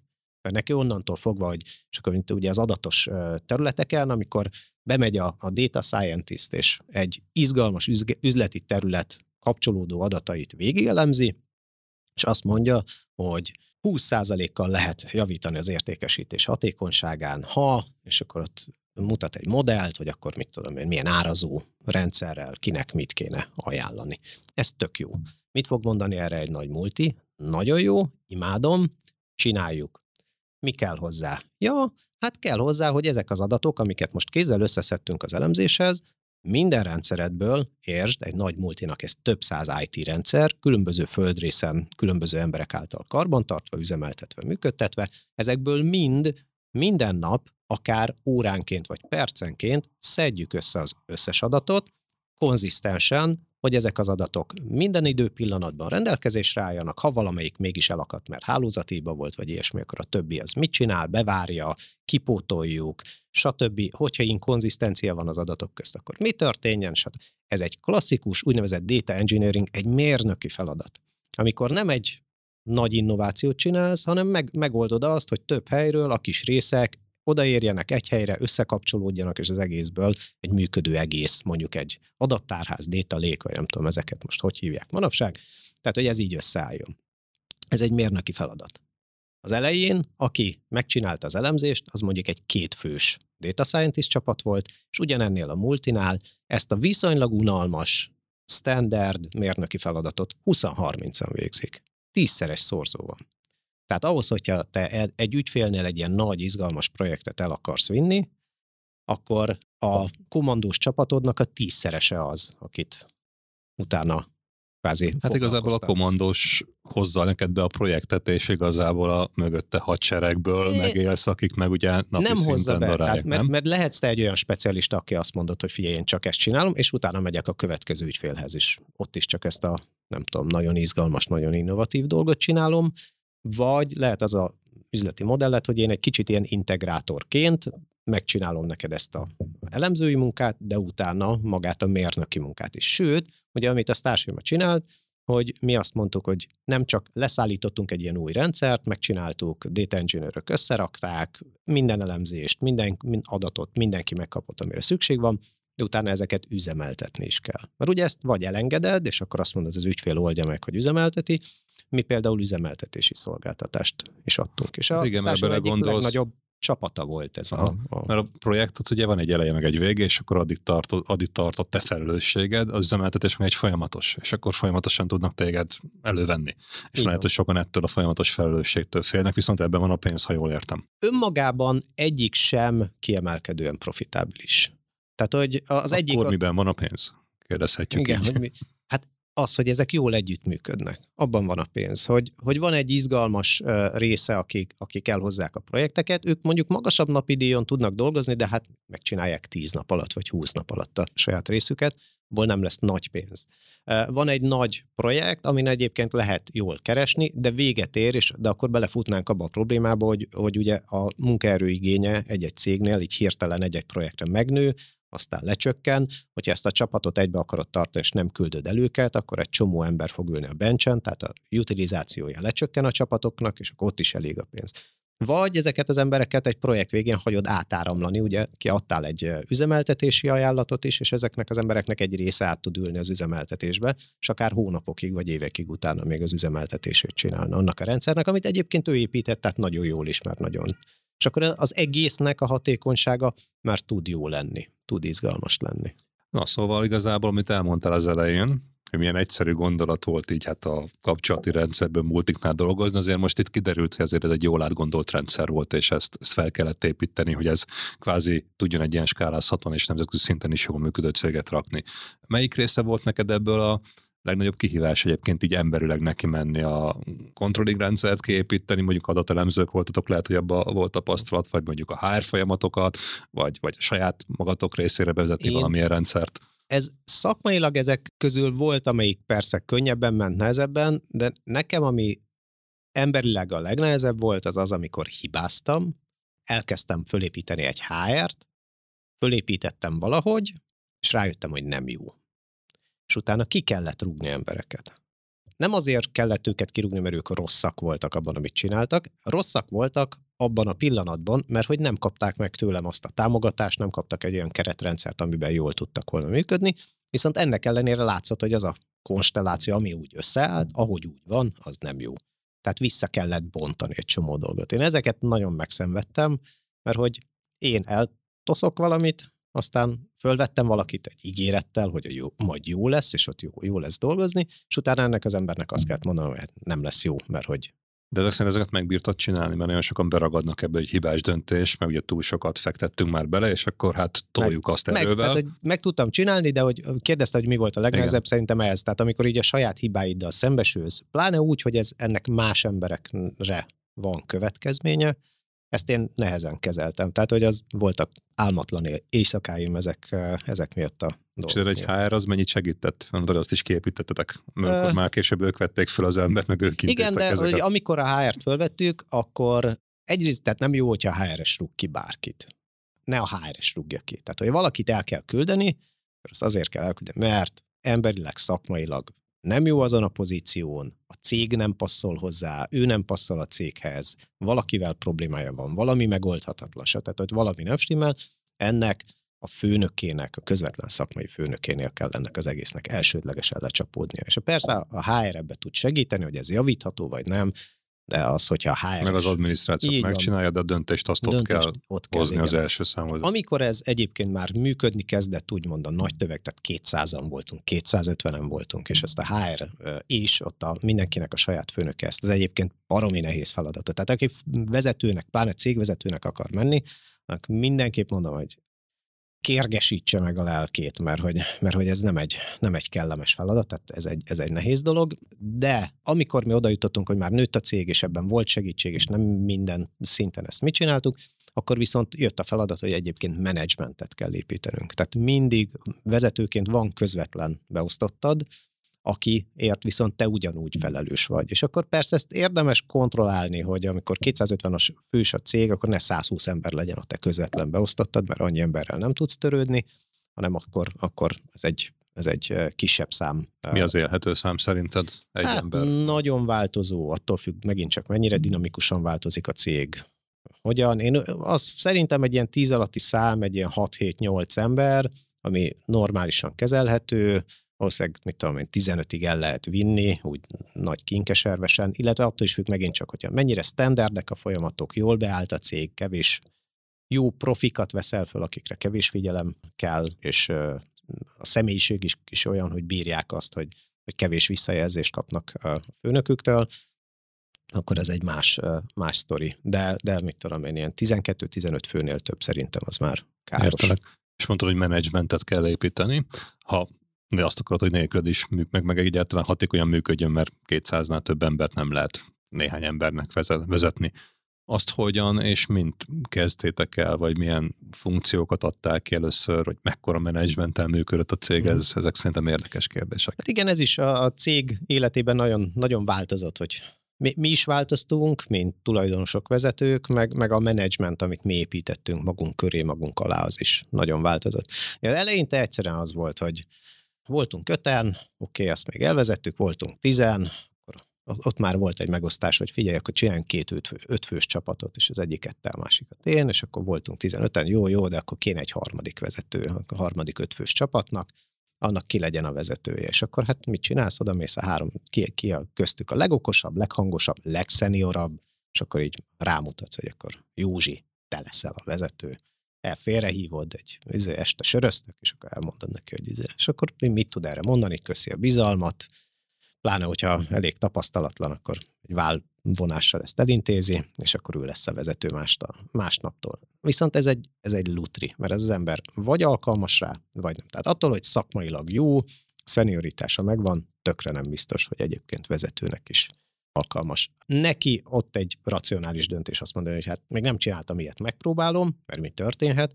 Neked viszont cégvezetőként azért egy komoly felelősség, hogy valakit kineveztél vezetőnek, aki nem alkalmas vezetőnek, akkor ő ott tud rombolni a szervezeten belül. És nem azért, mert genya, meg nem azért, mert gonosz, hanem azért, mert olyat csinál, ami ez nem ért, és pláne, hogyha hosszú távon se ért hozzá, tehát nincs affinitása, és nem is tanul bele, akkor az igen, igen És akkor szorgalommal is párosul, akkor így az van. meg durvább. Így épp ráadásul komolyan veszi magát, akkor már legalább elröhögi, vagy valami.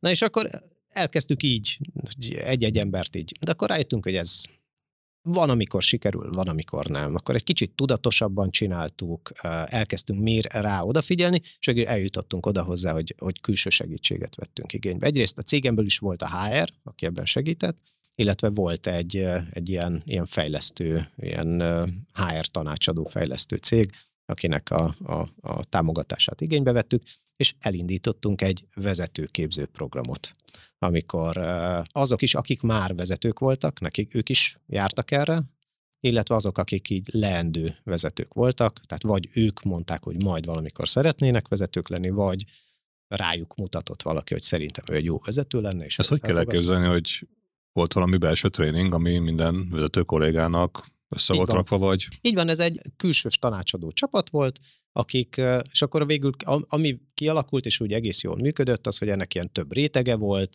voltak ilyen havi coaching alkalmak, tehát hogy aki igényelte, azokat egy az egybe külön is kócsolták, de voltak negyed évente ilyen elvonulós, akkor mint a félnapos ilyen alkalmak, ahova, ahova kvázi minden vezetőnek el kellett menni, és ott szokásos csoportmunkákban. Na, ami, ami nagyon jól működött, az az, hogy ide olyan problémákat vittek be, amik, amik az elmúlt negyed évben nekik problémáik voltak. Hogy ú, figyelj, nem tudom megoldani, hogy hogyan vegyem rá az embereimet, hogy mindenki nyáron egyszerre akar szabadságra menni, és akkor nekem az a dolgom, hogy viszont egy normális szabadságbeosztás legyen, meg legyenek emberek, maradjanak az irodában is, meg az ügyfélnél, ezt akkor hogyan kéne, mert hogy akkor sértődés van belőle. És akkor bevitt egy ilyen konkrét problémát, ezt szétszálaszták, és valamilyen megoldási javaslat uh, született. És a kulcs az, hogy akkor nem szakmai képzés volt adott területek szakmájára, hanem egy vezető Ez egy vezető, szakmai vezető, képzés, igen, ami univerzálisan mindenkinek szüksége van rá, aki emberekkel dolgozik, ha jól értem. Így van, és akkor ez volt egy ilyen negyedéves, illetve hát évente egyszer az egész menedzsment, volt egy ilyen elvonulós, ezért, hogy akkor üljünk le, beszéljük végig, Ugye a cég stratégiájának is ez egy fontos szerepe volt, amit mit tudom én, a top management, három-öt néhány fő kitalált, hogy szerintünk erre kéne menni a cégnek, azt egyre szélesebb körben ugye terjesztettük ott a, a, a szervezeten belül, és akkor volt az a pont, amikor például a, a vezető kollégákkal ezt végigbeszéltük. Figyeljetek, tavaly évünk ilyen volt, jövő év ezt szeretnénk csinálni, de három-öt év múlva meg ide szeretnénk eljutni. Értelek. És a menedzsment azt, azt meg tudod osztani velünk, hogy például milyen területek, vagy milyen vezetők voltak Aha. a menedzsmentben? Mert ugye volt a top vezető, oké, okay, vezérigazgató uh-huh. az ERT-ről uh-huh. beszélünk, és utána alatta milyen területeknek volt kiemelt uh-huh. vezetője? Hát ami, aminek nálunk volt vezetője, az a pénzügy, ugye ők voltak pénzügy, controlling, számvitel, volt HR, mint önálló egység, HR alá tartozott a, a, az Office. Nem, egyébként az változó hol mellette, hol alatta volt, volt Office és IT, tehát belső IT. Amiatt, hogy mondjuk 200 vagy 250 ember bemegy egy közös irodába, akkor ott milyen élet legyen, ők mit csináljanak, stb. Ezzel mi nagyon sokat foglalkoztunk, és a belső rendezvényeket is ők szervezték. A sales szervezet volt önálló ebben az egészben, és volt hát a legnagyobb szervezetünk az a Delivery, ami ugye számosságában, mit tudom én, az összes többi ilyen, ilyen kisegítő szervezet volt 20-25 fő, akkor ez volt nem tudom 180 fő a, Delivery. És akkor annak volt még egy vezetője, illetve hát annak, annak belső vezető struktúrája is volt ott több szint. Ő termelte meg a Igen, bevételt. és hát ők, ők termelték a pénzt. Igazából most elmondtál, van egy, egy komplex nagy szervezet, azért az a 200-nál több mhm. ember, menedzsment. Bocsánat, a marketinget elfelejtettem. Marketing. Marketing. Ja, az, az később lett önálló terület nálunk egyébként, de aztán volt a marketingnek is saját büdzséje, meg saját feladatköre. Uh-huh. És eljutottatok oda, és az elején még mondtál egy olyat, hogy volt egy pillanat, amikor felismerted azt, hogy ezzel a szolgáltatás típusú, tehát hogy embert, emberi tudást, munkát adsz el, abból hosszú távon lehet nagy céget építeni az elejé kis, kis projektekhez képest. Nőtetek, nőtetek, és volt még befektető is, amit bevontatok Aha. a sztársémába. Az például mikor jött? menedzsment előtt, menedzsment struktúra uh-huh. előtt, vagy utána, vagy amiatt lett menedzsment uh-huh. struktúra, vagy egyszerűen csak a növekedés igényelte uh-huh. ezt. Ez, ez hogy, hogy jött be ide? Uh-huh. És miért vontatok egyébként be, mert a szolgáltató cégeknél szokott általában a kevésbé tipikus lenni az, hogy hozzunk külső tőkét, mert nincs igen, igen. drasztikus növekedés. Igen, hát menedzsmentet folyamatosan építettünk. Tehát onnantól fogva, hogy rájöttünk, hogy vannak olyan menedzsment feladatot, nem tudunk, nem akarunk mind mi megoldani, illetve az, hogy a, mi magunk vagyunk gátjai a növekedésnek, onnantól az egy triviális dolog, hogy elkezdesz menedzsmentet építeni. Erre rájönni, ez mennyire volt triviális? Hogy te vagy a növekedés gátja, mert nagyon sokan ebbe véreznek el. Szerintem ez, ez már az első egy-két évben megtörtént. Tehát, hogy ott, ott, ott egyszer rájöttünk, hogy vannak területek, amit kell egy, egy helyi annak a területnek egy lokális vezetőjének lenni, amit ő jobban csinál, mint hogyha távolról.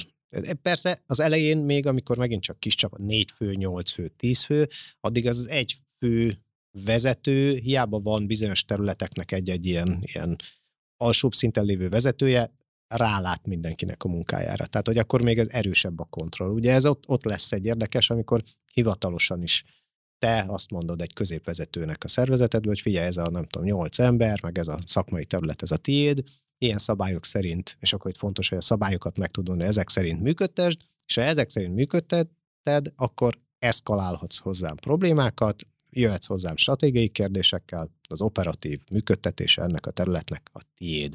És én nem fogok átnyúlni rajtad. Nem fogom a munkádat tehát az, hogy te egyébként lehet, hogy egy emberrel máshogy beszélsz, mint hogy én beszélnék, az nem baj, hanem ez a te feladatod. Én az egészet egyben neked odaadtam, és az eredményeket várom, hogy ezt csináld meg.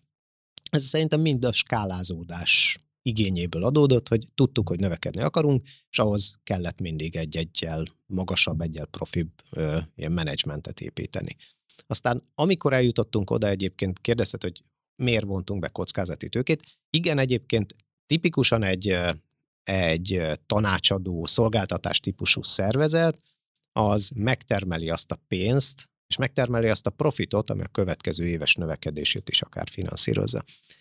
Ez nálunk azért nem volt igaz, mert egyrészt gyorsan növekedtünk, tehát voltak évek, amikor dupla, dupláztunk, hiszem három év is olyan volt, és, és utána is volt 60-80 százalékos növekedésünk. Ráadásul mi olyan multiknál növekedtünk, ahol mondjuk egy 120 vagy akár 150 napos fizetési határidő az nem volt ritka. Ami azt jelentette, hogy ez a working capital, amit már ledolgoztunk, tehát hivatalosan az már bevételként kéne megjelenni nálunk, lehet akár ki is számláztuk, de még bevételként nem érkezett meg, sőt 120 napig nem is fog beérkezni. De munkabérként ki De munkabérként fizetni. meg már ki kellett fizetni, ez iszonyatosan megnőtt. De hát én arra emlékszem, hogy volt olyan időszak, amikor ilyen két milliárd környékén volt már az árbevételünk, ugye, és, és ebből mondjuk egy milliárd már working capital volt.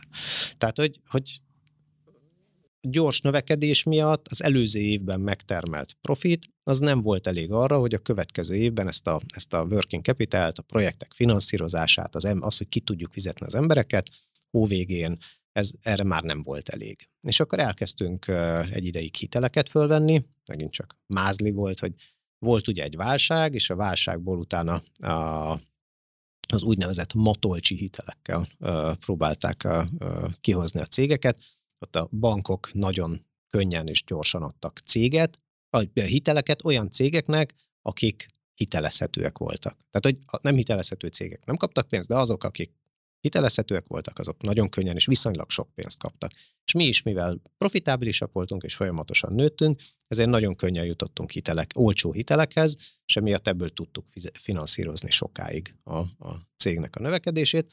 Csak amikor ott voltunk, hogy több mint két millió dollár volt a hitelállományunk, amik, és mivel ennek a cégnek ugye nem volt semmilyen eszköz, eszköze, eszköz, eszköze amit, ingatlan, amit amire... fedezetként Aha. berakhattunk volna, tehát amikor a bank megkérdez, jó, jó, ingatlan, nem tudom, autó, vagy legalább nem tudom, szabadalom, vagy egy géped, vagy egy gyárad. Notebook maximum, nem meg mobiltelefon ennyi. És mondtuk, hogy semmi, hát egy, ezért, és akkor mondták, hogy jó, jó. Ebben az esetben persze lehetett mindenféle alkutni, meg a megrendelés állományt valamennyire elfogadták azért már fedezetként, de például ott be kellett állni nekünk kezesként. Nem tudom, volt-e valaki két millió dolláros hitel mögött kezes, az azért nem tudom, viszket a tarkó egy kicsit. Tehát, hogy ez úgy, úgy egy kellemetlen érzés volt, és, és rájöttünk, hogy a további növekedéshez nem tudunk, illetve nem vagyunk elég bátrak ahhoz, hogy csak hitelágon vonjunk be finanszírozást, a tőkeágon is meg akartuk erősíteni a céget.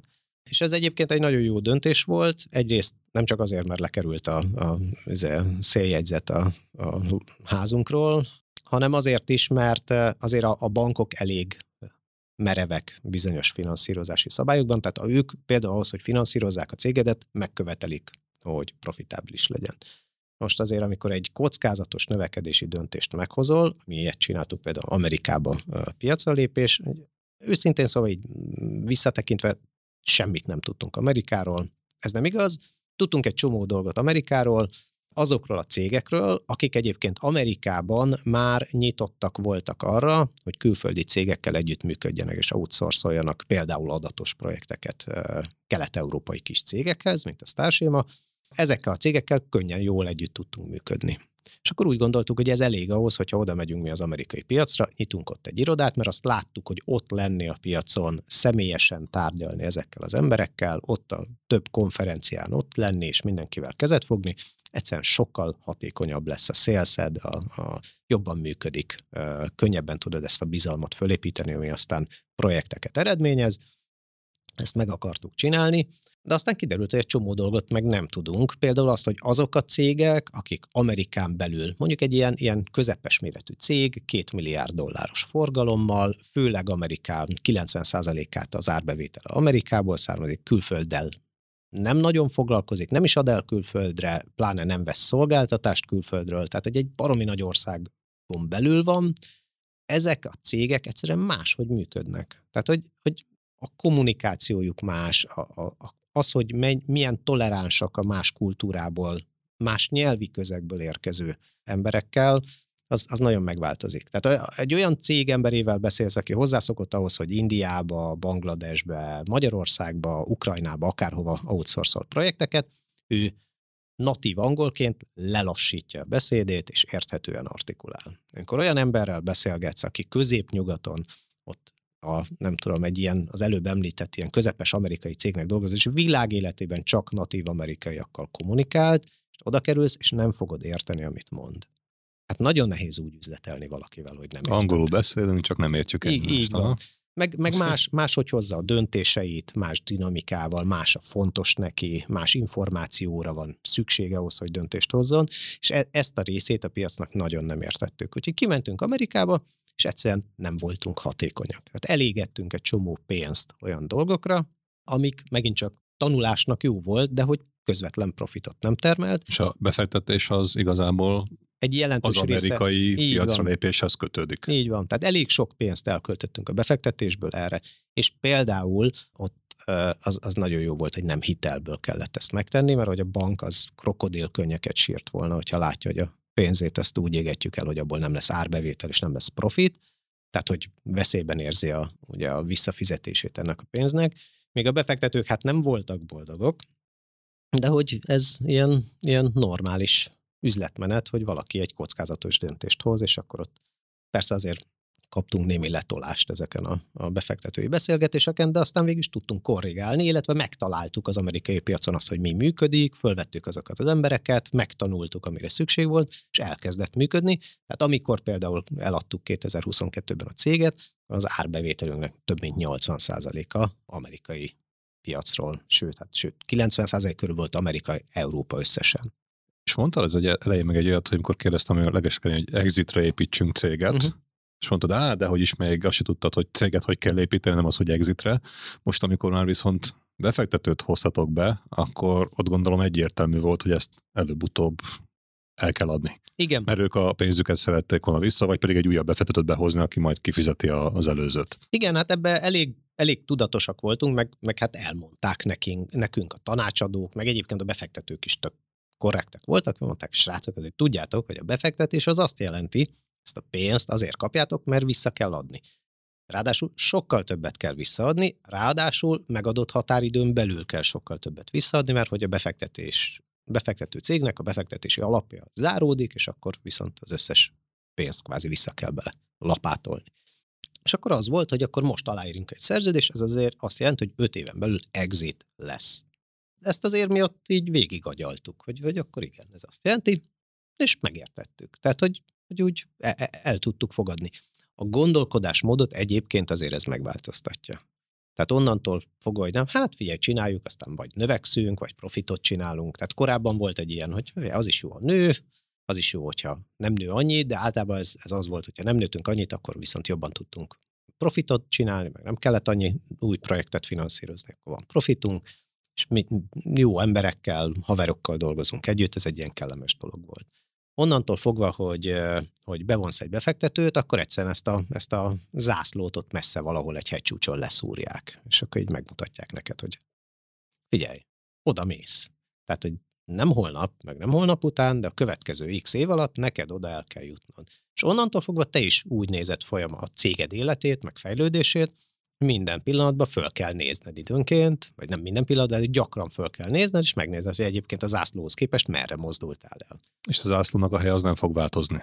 Hát jó, most milyen nagyon, akarsz? Nagyon, nagyon durván, mert, mert különben akkor valószínűleg te személyed fog változni, mert a befektetők nem tolerálják. Igen. Tehát, hogy sok minden lehet, mert exit, meg tőzsdére is lehet menni, meg fölvásárolhatják a céget, meg, meg te is lehetsz kvázi, ugye van az a úgynevezett roll-up modell, amikor te többségi tulajdonot vásárol a cégedben mondjuk egy nagy tőke alap, egy, egy private equity, de annyi pénzt kapsz, hogy egyébként te leszel egy ilyen fölvásárló a piacon, és te tudod elkezdeni ilyen rollapként magad alá göngyölni a, a kisebb cégeket, és akkor te lesz, és utána mész tőzsdére. Tehát nagyon sokfajta uh, útvonal lehet, de az, hogy egyébként lesz egy pillanat, amikor ez a tőkebefektető ki akar szállni, és akkor a cégedet meg fogják mérni ott a tőkepiacon szokásos módon, profitabilitás, árbevétel, növekedés, milyen piacon vagy, milyen menedzsmented van, és akkor itt kérdezted, hogy akkor ugye a menedzsmentépítés, tehát odáig is akartunk menedzsmentet építeni, de itt meg lett mondva, hogy lesz egy pillanat x éven belül, amikor meg fognak mérni benneteket srácok dekára, és meg fogják mérni például a menedzsmentet is, hogy ők mennyire jók, mennyire önállóak, mennyire képesek arra, hogy ezt a céget skálázzák tovább. Mert ugye amikor megveszik, nem azt a pillanatot veszik meg, ahol épp tartasz, hanem azt a hitet, hogy ebből a állapotból, ahol tartasz, hova tudod még tovább vinni a cégedet. Tehát az a vevő is, aki megvásárol a céget, valamit fog akarni És ezzel a céggel. Hát vagy veled, vagy, vagy nélküled. Nem. Ugye jelen esetben nálunk itt, itt egyrészt alapítók is ketten voltunk, uh-huh. és, és nem, nem volt mind a két alapítóra szükség, másrészt volt, tényleg sokat foglalkoztunk vele, és egy, egy jó profi menedzsmentet építettünk a Starsimánál, aminek az volt az eredménye, hogy amikor például a, a felvásárlás történt, ugye van ez a due diligence, amikor így átvilágítják a céget, akkor például az egyes szakmai területek vezetőivel közvetlenül beszéltek ezek a felvásárló cégnek a szakemberei. És ott például ránk a legtöbb esetben már nem volt szükség tehát a, a, a, ugye minket a HCL vagy HCL nevű nagy indiai multi vásárolt föl, és ott, amikor az ő pénzügyese beszélt a mi pénzügyesünkkel, az ő HRS-e beszélt a mi HRS-ünkkel, az ő, nem tudom, szélszvezetője a mi szélszvezetőnkkel, akkor ők tudtak egymással beszélni, mert mindenki olyan profi volt, hogy el tudta látni a feladatát, tudta képviselni a céget ezen a szakmai területen. És, és ez nem csak azért jó, mert ez fölértékeli a céget, persze örülünk neki, hogy több pénzt adnak érte, de végül ez akár azt is eredményezheti, hogy nem lesz a tulajdonosoknak vagy vezető, vezetőknek olyan erős ez a lock-in. Tehát nem, nem azt fogják mondani, hogy rád épül a cég, hanem látom, van egy tök jó erős menedzsmented, te is fontos vagy, és ezeket az embereket is, a vezetőket is azért általában igyekszenek egy pár évig legalább a fölvásárolt cégeknél ott tartani, de fontos az, hogy egyébként van mögötted egy olyan menedzsment, akiben bízhatok, és aki működik. És nem az van, hogy akkor kvázi a alapított cégvezető nélkül nem működik a cég, Így mert van. akkor ugye másnak sem jelent értéket. Így van. És neked mekkora fejfájást vagy nehézséget okozott az a változás, amikor ott mondtad, hogy fölismertétek, átgondoltátok, hogy itt, itt, itt akkor öt éven belül ezt a céget el kell adni. Uh-huh. És addig ugye más gondolkodásmód mentén vezettétek, építettétek, ott viszont egy mondom, egy kőkemény döntést uh-huh. hoztatok ketten, hogy oké, okay, akkor innentől kezdve tudomásul vesszük, hogy ez most már nem úgymond csak a saját cégetek, hanem egy öt évben belül exitelendő cég, amiben ugye komolyan benne vannak mások is tulajdonrészsel. Hát, mondanám, hogy egyszer csak meghoztuk ezt a döntést, tehát valószínűleg volt ilyen pillanat, amikor ezt meghoztuk, de hogy ez ennek következő hónapokban így kellett valahogy megérnie. Nagyon egyszerűen a mindennapokban, amikor azon gondolkodol, hogy hát figyelj, nem tudom, el kéne kezdeni egy új projektet, van itt egy új érdekes technológia, próbáljuk ki. Csak annyi történik, hogy amikor már az, aláírtad ezt a befektetési szerződést, tehát tudod, hogy lesz egy exit, akkor nem csak azt mondod, hogy érdekes technológia, és próbáljuk ki, hanem mellé teszed azt is, de egyébként a pár éven belül várható exit szempontjából ez jó-e vagy rossz-e. Akkor van még egy döntési paraméter. Így van. Egyszerűen hozzárakod azt, és akkor azt mondod, hogy figyelj, még legalább három év van, az alatt ez a dolog kifutja magát, a kockázata alacsony, hm, akkor csináljuk. Ugyanez. Utol, hát figyelj, egy éven belül már valószínűleg exit lesz, már esetleg tárgyalunk potenciális felvásárlókkal, indítsunk el valami új technológia, új projektet. Hát figyelj, ennek nagy a kockázata, jó esőjel a felvásárlás pillanatában ez még vinni fogja a pénzt, és nem hozni. Vacakabb pénzügyi mutatókkal fogok egy kockázatot, egy kockázati elemet kvázi belevinni ebbe a rendszerbe. Ne csináljuk. Tehát, hogy egyszerűen igen, ez a döntési paraméter, ez része lesz onnantól az életednek, változó intenzitással, de, de beszivárog így a, a tulajdonosok és aztán a menedzsmentnek a fejébe. Ez jó kérdés, és bele belegondolok azért Magyarországon, nem vagyunk így ellát, hogy minden hónapban van, nem tudom én, tíz ilyen sztársémához hasonló exit. Volt néhány uh-huh. minden évben, de azért nem tömegesen. Pedig mindenki arról beszél, meg, meg álmozik arról, hogy ilyet céget építsen, és szerinted hol vannak ebbe a, a korlátok? A cégekben, a cég vezetőben, vagy a piacukban, vagy csak uh-huh. egyszer nem jól végzik a dolgokat. Aha. Mert ugye te ezzel hát most itt erről, átmentél erről és sokat. Igen, erről sokat beszélgetünk startup alapítókkal is, meg ugye a Humbanban, ahol most aktív vagyok, ott az angyal kollégákkal is, hogy akkor mi, hol válik ez el. Én, én nagyon azt látom, hogy a tehetség az kb. egyenlően van elosztva a világon. Tehát, hogy pont ugyanolyan, és akkor nem, nem, nem vagyunk okosabbak, bocs, de nem vagyunk butábbak se, mint bárki más. Akár nem tudom, a, a Amerikában a legjobb tőkellátottsággal rendelkező uh, San Franciscói, vagy nem tudom, bostoni startupok.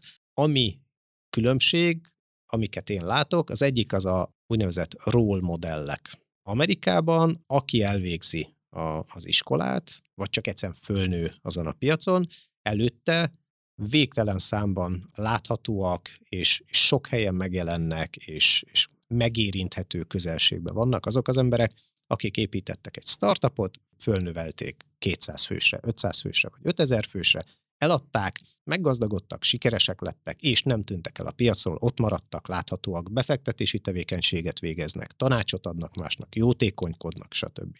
És ezek az emberek ott vannak és láthatóak. Ők ilyen role modellekké válnak, hogy én is mondhatom azt, én is ilyenné akarok válni. Magyarországon, amiatt, hogy kevés ilyen ember van, egyszerűen a gyerekeknek, amikor nőnek fel, ez nem épül be a fejükbe.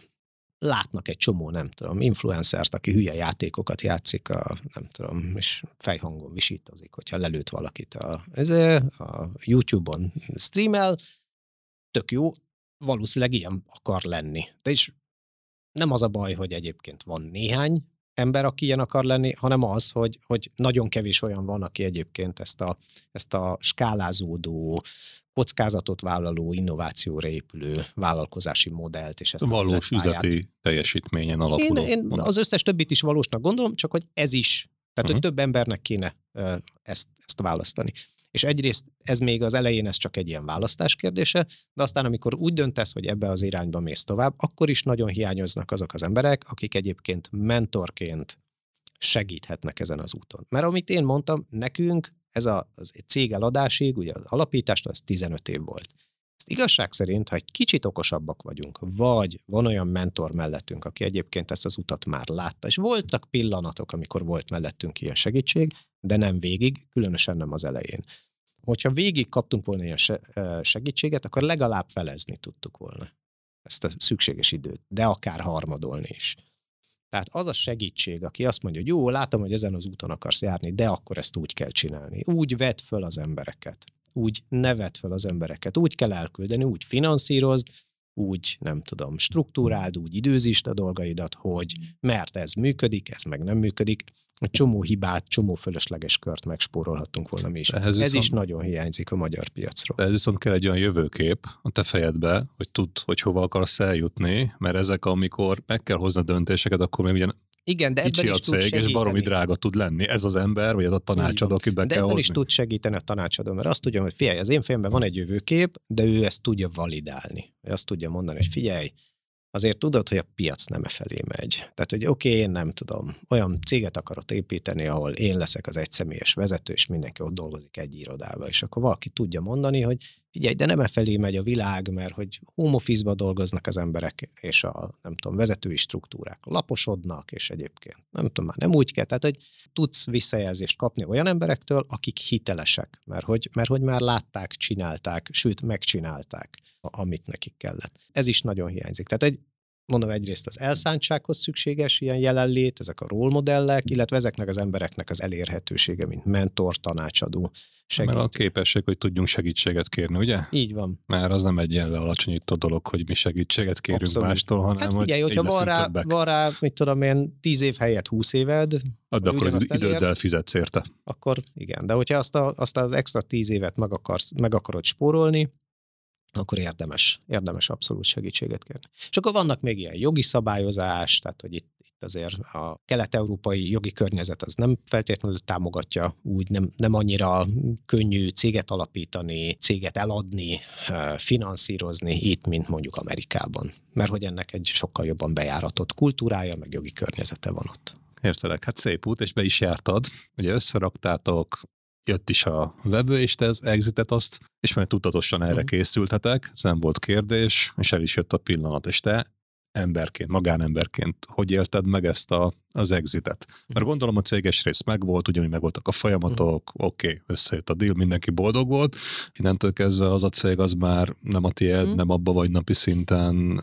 Igen, persze, tehát egy, mondanám, hogy nem volt ezzel semmi problémám, nem lenne igaz. Tehát, hogy amíg az ember 15 évig egy, egy céggel definiálja magát, én vagyok az, aki ezt a céget alapította, vezette, ezt is azt a szerepet betöltötte, addig ez egy ilyen jó identitást ad az ember, vagy nem is jó, de könnyű identitást. És abban a pillanatban, amikor fölteszed ezt a kérdést, jó, de hogy nem tudom, tíz nap múlva már nem így lesz, vagy egy év múlva már nem így lesz, akkor persze jön egy jó, de hát ha nem ezzel azonosítom magam, akkor mivel? Tehát, hogy mindenképp van egy ilyen személyes válság, hogy, hogy az én képet megváltozik. Ez nem feltétlenül rossz egyébként. Nem könnyű, de nem feltétlenül rossz. Mint hogy minden változásnál itt rá, rájössz, hogy persze változnak a dolgok, neked is máshogy kell, mással fogsz foglalkozni, mást kell kitalálni magadnak, mást kell magadnak gondolni magadról, meg a külvilág felé valami más képet kell uh, majd mutatnod, ami minél inkább önazonos, annál jobb. Gondolkodni kell rajta, időt kell ennek hagyni. És nekünk jó volt, hogy volt rá időnk. Tehát, hogy mondom, az, az a döntés, hogy egyébként az exit meg fog történni valamikor, ezt mi 2018-ban írtuk alá a befektetési szerződést. Tehát 2018-ban, ezt- sőt már előtte egy kicsivel, ugye ezt meghoztuk. Onnantól fogva 2022-ig azért bőven volt időnk ezen gondolkodni, és ez, hogy üllepedjen bennünk, és kitaláljuk magunkat. Én például ugye elkezdtem befektetésekkel foglalkozni magam 2019-től. Tehát már Igen, folyamatban, amikor még nem volt meg a te exited, de Igen. már akkor fejben, sőt, fel is kezdtél foglalkozni, nem csak fejben igen, igen, igen. Igen, és elkezdtem keresni annak a lehetőségét, például, amit mondtam, hogy én is úgy látom, hogy nagyon sok tudást egyszerűen fölhalmoztam tapasztalati úton ez alatt, a sok év alatt. Örülök neki, hogy ez a saját cégemnél sikerességet eredményezett, és, és lett egy jó exitünk, de ennek a tudásnak nem csak egyszer kell, vagy nem csak egyszer lehet ezt felhasználni, hanem van lehetőség arra, hogy másoknak is ez hasznot hajtson. Például elkezdtem én is mentorálni, tehát más cégekkel, fiatalabb, korai fázisban lévő cégekkel dolgozni, és hát nem meglepő módon ők azokkal a problémákkal találkoztak, amikkel én is találkoztam 6-8 évvel ezelőtt, és milyen jó volt, amikor föltették a kérdést, hogy jó, jó, de hogyan lépjünk Amerikában piacra. És akkor elmondtam nekik, hogy figyelj, van háromféle módszer, amiről én tudok, abból mi kettőt kipróbáltunk, az egyik nem sikerült, a másik viszont sikerült, és azért a kettő között az volt a különbség, hogy és ezeket a nagyon gyakorlatias dolgokat, ezeket nagyon jól vették, nagyon jól reagáltak rá. És ezekből a mentorációkból viszonylag gyorsan kialakult az az, hogy ha ezek jó cégek voltak, és egyébként ez a mentorációból nagyon látszik, hogy odaadsz nekik egy információt, ezt ők hogy használják. Kapnak egy tanácsot, és hogyha egy hét vagy egy hónap múlva úgy jönnek vissza, hogy ezt a tanácsot letesztelték, piacon lemérték, jó visszajelzés volt, elkezdték használni, vagy rossz visszajelzés volt, és nem használják, de el tudják mondani, hogy miért nem működött az ő esetükben, akkor ez egy jó cég. Akkor ebbenük pont megvan ez a növekedni akarás és az iterációra való készség, hogy megpróbálok valamit, kipróbálok, kaptam egy jó inputot, letesztelem, működik, jó, megyek tovább, rakok bele több erőforrást, nem működik, akkor meg visszajövök és kérdezek újra. És azok az emberek, akiknél ez a mentoráció jól működött, róluk gondoltam azt, hogy ők jó befektetési célpontok lesznek, úgyhogy elkezdtem befektetésekkel is foglalkozni. Elég jó előszűrted, vagy előminősítetted így a befektetéseidet, így meg még időben is jól álltál ez, ehhez. Ez most már nincs mindig így, tehát most nem, nem csak olyan cégekbe fektetek be, ahol, ahol mentorálok is, tehát hogy a, a mentorációs idő, mivel az is egy ilyen tanácsadás jellegű dolog, hogy az embernek el kell adni a saját munkaidejét, ott az limitált és, és ennél szélesebb befektetési portfóliót szeretnék képíteni, úgyhogy fektetek be olyan cégekbe is, ahol nem vagyok személyesen közreműködő. Értelek, ugye megtanultad a saját életedből, hogy kell sikerre vinni egy céget és exitelni, és ha most megnézed ezeket a, mondom, tipikusan magyar cégekről beszélünk, akikbe fektetsz. Igen. Ott mik azok a típus hibák egyébként, amik így meg miket nézelte meg, azon kívül, hogy persze, hogy értelmes és hallgasson rád, és használja mm. és alkalmazza azt a tanácsot, amit adsz, de még mik azok a szempontok, paraméterek, amiket figyelembe veszel, mi alapján választasz, mm-hmm. mike, és ha már benne vagy, akkor ugye miket követnek Igen. el, mik ezek a tipikus mm. nagyon magyar sok, Nagyon sok minden nézünk befektetőként, ugye én általában nem egyed, sőt, soha nem egyedül fektetek be, hanem ebbe a HUM-ban, ez a Hungarian Business Angel Network, egy a magyar befektetőknek a, a szervezete, e, ott a tagokkal együtt szoktunk befektetni, és amit nézünk, azok ilyen úgymond viszonylag triviális dolgok. Tehát, hogy mondják, hogy nem az ötlet számít, de azért az ötletet is megnézzük, és akkor mindig a Györkő Zolinak, ugye a Balabit alapítójának a szavét szoktam használni, hogy van ötlet, ami hamukból sült fasság, és van, ami nem. És akkor ami nem, abba érdemes befektetni. Tehát ami úgy látod piaci ismeretet, tapasztalatot alapján, hogy azért van benne ráció. Egyébként maga az ötlet minősíti a mögöttei álló alapítót, és a, ami a legfontosabb, az az alapító, illetve a csapat, aki ezt a startupot csinálja. Tehát egy működő startupon, egy működő alapító, ahogy pláne nem egyedül van, hanem többen vannak, nem megy át egy nagy hülyeség. Tehát, hogy és amit mondtál, hogy eh, megnézel az ötletet, de azért az ötlet az önmagában még kevés, gondolom. Tehát azt mondtad, hogy működő startup, tehát azért legyen egy működő cég, ami e, már valamit bizonyított, lehet, vagy lehet, csak egy ötlet is elég? Hát lehet sokfajta fázisban befektetni. Ötletfázisba én nagyon ritkán fektetek be, legfeljebb olyankor, hogyha valahonnan ismerem az alapítót, vagy az alapítókat, és már bízom bennük annyira, hogy, hogy elhiszem róluk, hogy ezt az ötlet, ötletfázisból is tovább tudják vinni egy működő cégbe. De általában, akik idegenek, utcáról jönnek, ott, ott az az elvárás, hogy jó, van egy ötletet, tök jó, mit csináltál? És akkor ott elindultak-e ezen a validációs úton, értsd, megcsinálták valamilyen szintre, elérték ezt az MVP szintet, kivitték a piacra, letesztelték, jó feedbacket kaptak, a piac azt mondta, hogy megveszi, esetleg árbevételt is elkezdtek már generálni, nem feltétlenül nagy volumenben, de azt találtak olyan embereket a piacon,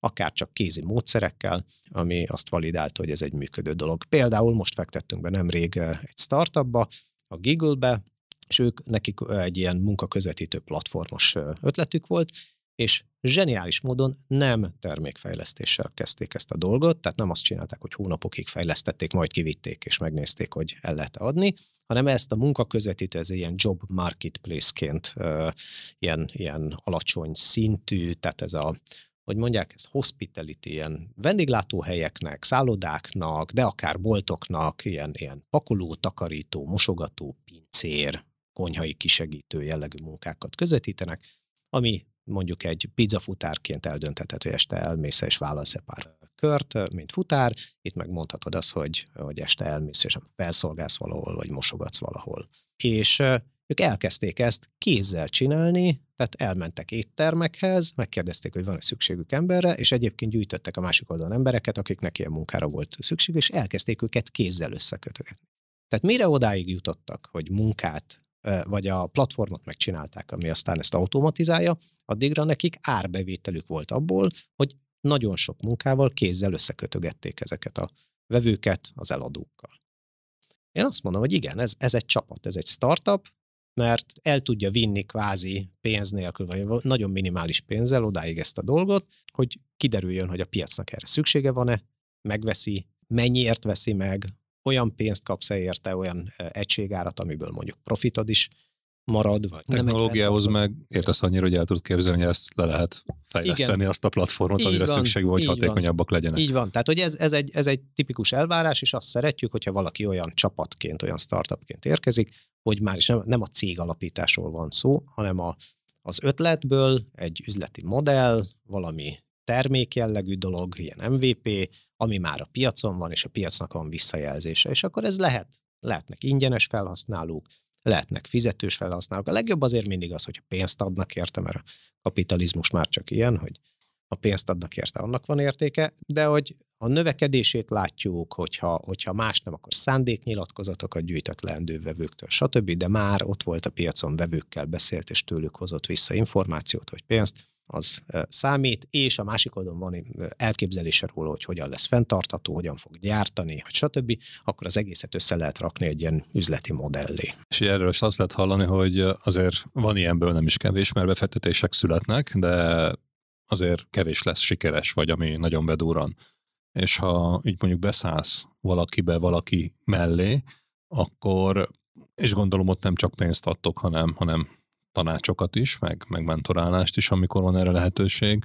Ott láttál olyan dolgokat, amiket egyszerűen elkövetnek hibákat. Annak Ó. ellenére, hogy egy csomó olyan dolog van, amit segítetek benne. Abszolút. Nagyon sok hibát el lehet követni, sőt, azt mondanám, kötelező. Tehát, hogy egy startup attól lesz izgalmas, hogy olyan innovatív új dolgot csinál, amit még mást nem csinált, vagy kevesen csináltak, vagy valamit már csináltak, de ő ezt még jobban, még hatékonyabban, más modellben tudja megcsinálni.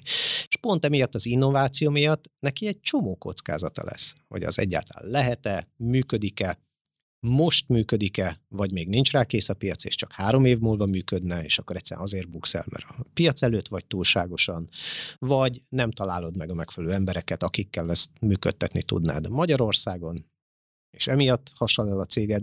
Tehát, hogy egy csomó ilyen, ilyen kockázat van is.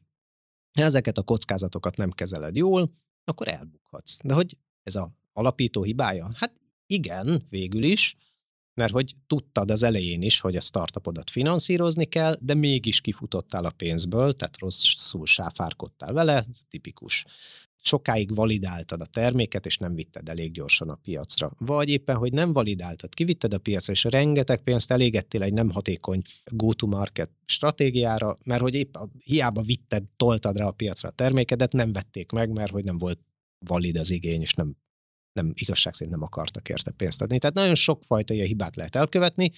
Végén, ami miatt megdöglik egy startup, vagy elbukik, sokkal szebb szó, na, az se szép szó, de egyébként mindegy, tehát, hogy ami, ami az egésznek véget vet, az mindig az, hogy kifogy a szufla az alapítóból.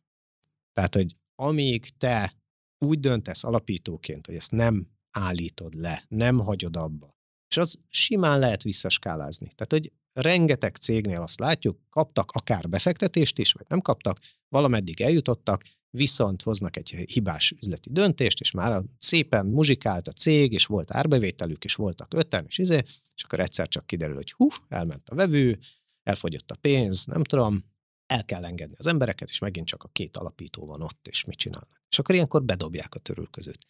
Ilyenkor se kell, ilyenkor se kötelező bedobni. Persze, mindenkinek egyéni döntése, hogy akkor mennyi munkát hajlandó egy ötletbe, egy startupba beletenni, de amikor vége van a sztorinak, az mindig akkor van vége, amikor az alapítók azt mondják, hogy nem csináljuk tovább. Hát igen, kérdés, hogy mennyire hiszel abban az egész sztoriban, ami, ami, amire kvázi befektetést is kaptál. Így van. És utána mennyire jó tudsz sáfárkodni, ahogy fogalmaztál a kapott befektetéssel, de valószínűleg ez a szakmai tudás vagy a szakmai hibázás, és mondtad, hogy kell kötelező hibázni, csak a túl sokat hibáznak az emberek, akkor szokott vagy a szenvedély elfogyni, vagy a pénz, és akkor ebből lesz vége a történetnek. Így van. Tehát olyan keresnek minket, meg ilyenekkel, valaki azt mondja, hogy egyébként nem tudom, van már egy webshopja, és akkor akar egyel nagyobbat csinálni, és kéne egy nagyobb raktárkészlet neki.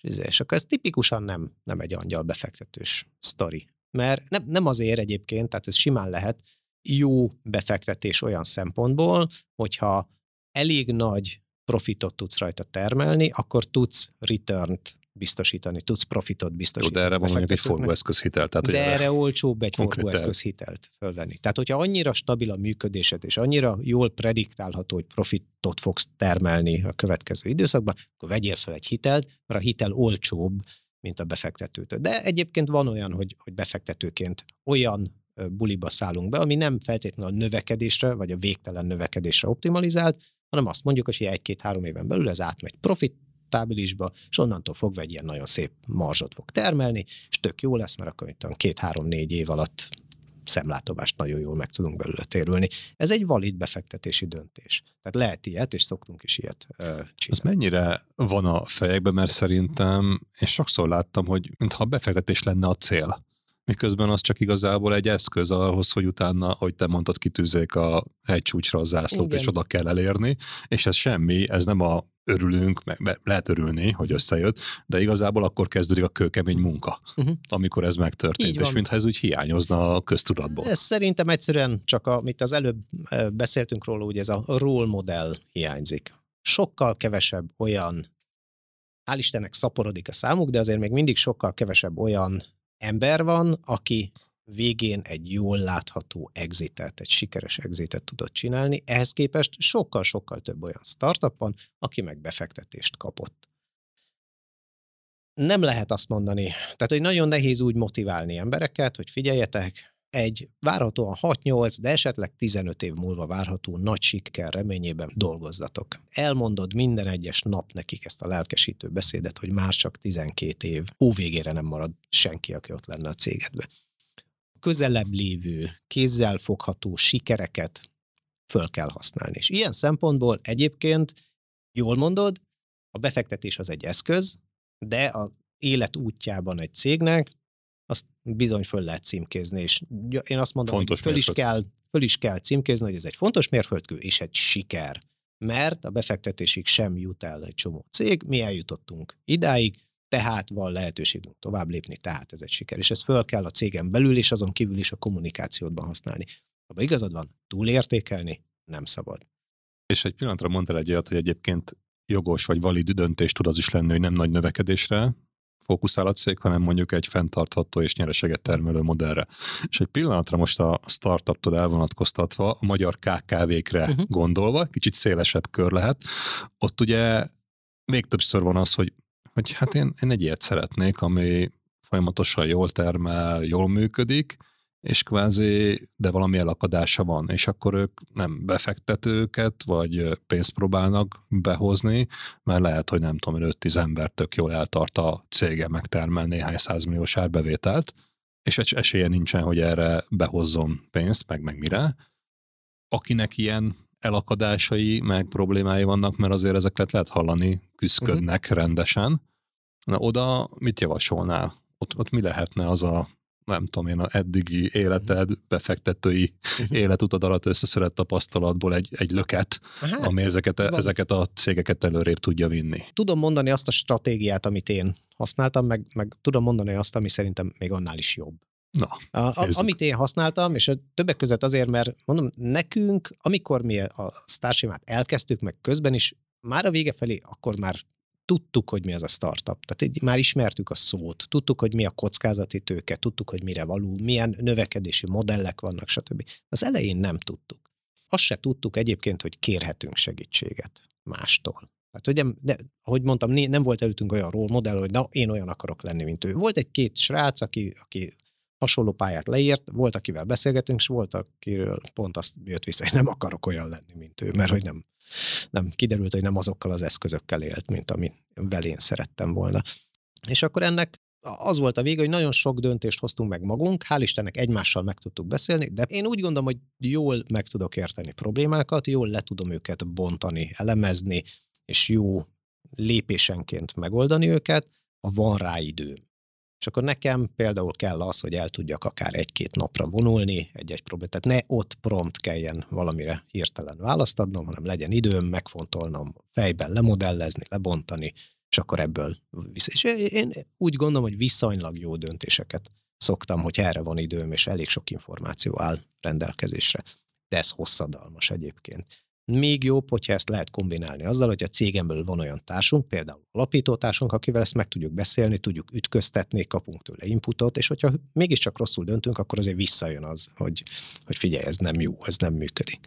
És a legjobb, amit mondom, sajnos nekünk nem volt erre lehetőségünk, hogyha erre egy külső segítséget igénybe tudunk venni. Tehát egy KKV-ban is, hogyha valaki, nem tudom, cipő felsőrész készítő, és egyébként a általad mondott 120 millió forintos nagyságrendet eléri, de ott elakadt, és nem tud menedzsmentet építeni, vagy a külpiacra nem tud kilépni, vagy fene tudja, akármiben el lehet akadni, és akkor azon gondolkodik, hogyan, akkor találja meg azt az embert, aki viszont ugyan nagyon hasonló modellben, vagy ugyanebben a modellben, hasonló iparágban már ezt az utat bejárta, és látszik, hogy neki sikerült. És ha talál egy, kettő, három, négy ilyen embert, az még jobb, mert akkor ezek közül ki tudja választani azt, aki neki szimpatikus, akivel szívesen együtt tud működni. És lehet, hogy pénzbe kerül. Vannak emberek, akik jó fejségből mentorálnak, bár amikor nagyon sokat mentorálsz, akkor már a jó fejség drága lesz, és akkor elkezdenek ezek az emberek is valami ilyen óradíjat vagy ilyesmit ö, ö, kiszámlázni, de még mindig ezek a fajta nagyon konkrét, nagyon gyakorlatias, már látott ilyet emberektől jövő tanácsok, ezek tipikusan megérik. Tehát én azt mondom, keresse meg ezek az embereket, és tőlük kérdezze meg. Van, vannak, el kell ismerni, vannak dolgok, amiket nem könyvből fogsz megtanulni. És igen, ez szerintem egy nagyon fontos, erős, és egyébként nehe, ne, sok esetben, vagy sokaknak ez nehezen kivitelezhető, de ezt fel kell nőni, tanács.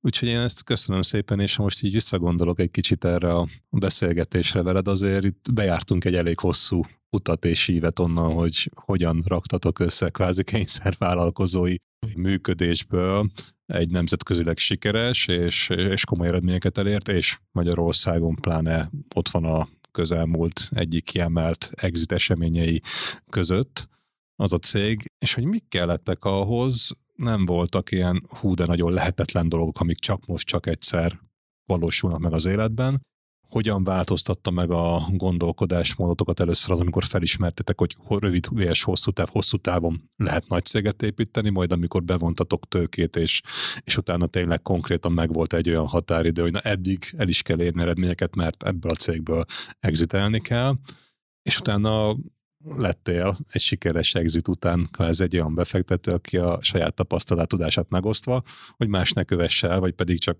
azért, mert ezt már tudod hitelesen képviselni, keresed azokat a lehetőségeket, amivel tudsz másoknak segíteni, és tegyük hozzá segítés mellett, ami valószínűleg egy jó érzés, de egyébként a profitória, tehát gondolkodásmód is ott van, mert, mert a kapitalizmus erről szól, ahogy így megfogalmaztad, és igazából a végén zártuk egy jó tanácssal a KKV-knak, akik, hanem is startupok, de, de hasonló kihívásokkal küzdenek. Úgyhogy szerintem ez egy nagyon tartalmas és tanulságos beszélgetés volt. Én köszönöm szépen, hogy ezt megosztottad velünk, és hát kívánom mindenkinek, hogy találja meg azt a jövőképet, amihez azok a cégépítő tippek, amik most elhangzottak, segíteni tudnak, hogy közelebb kerüljön. Köszönöm szépen, hogy itt voltál. Én is köszönöm a beszélgetést. Sziasztok! Hello! Érdekel részletesen, hogy Csillag Péter jelenleg angyal befektető korában a Starshima cégépítője milyen folyamatoknak és rendszereknek köszönhetően érte el eddigi sikereit? A választ a cégépítő blogjában találod. A linket keresd az epizód leírásában. A következő adás vendége Megyeri Domonkos, az Öntapadó címkenyomtatás cégépítője. Hallgass bele!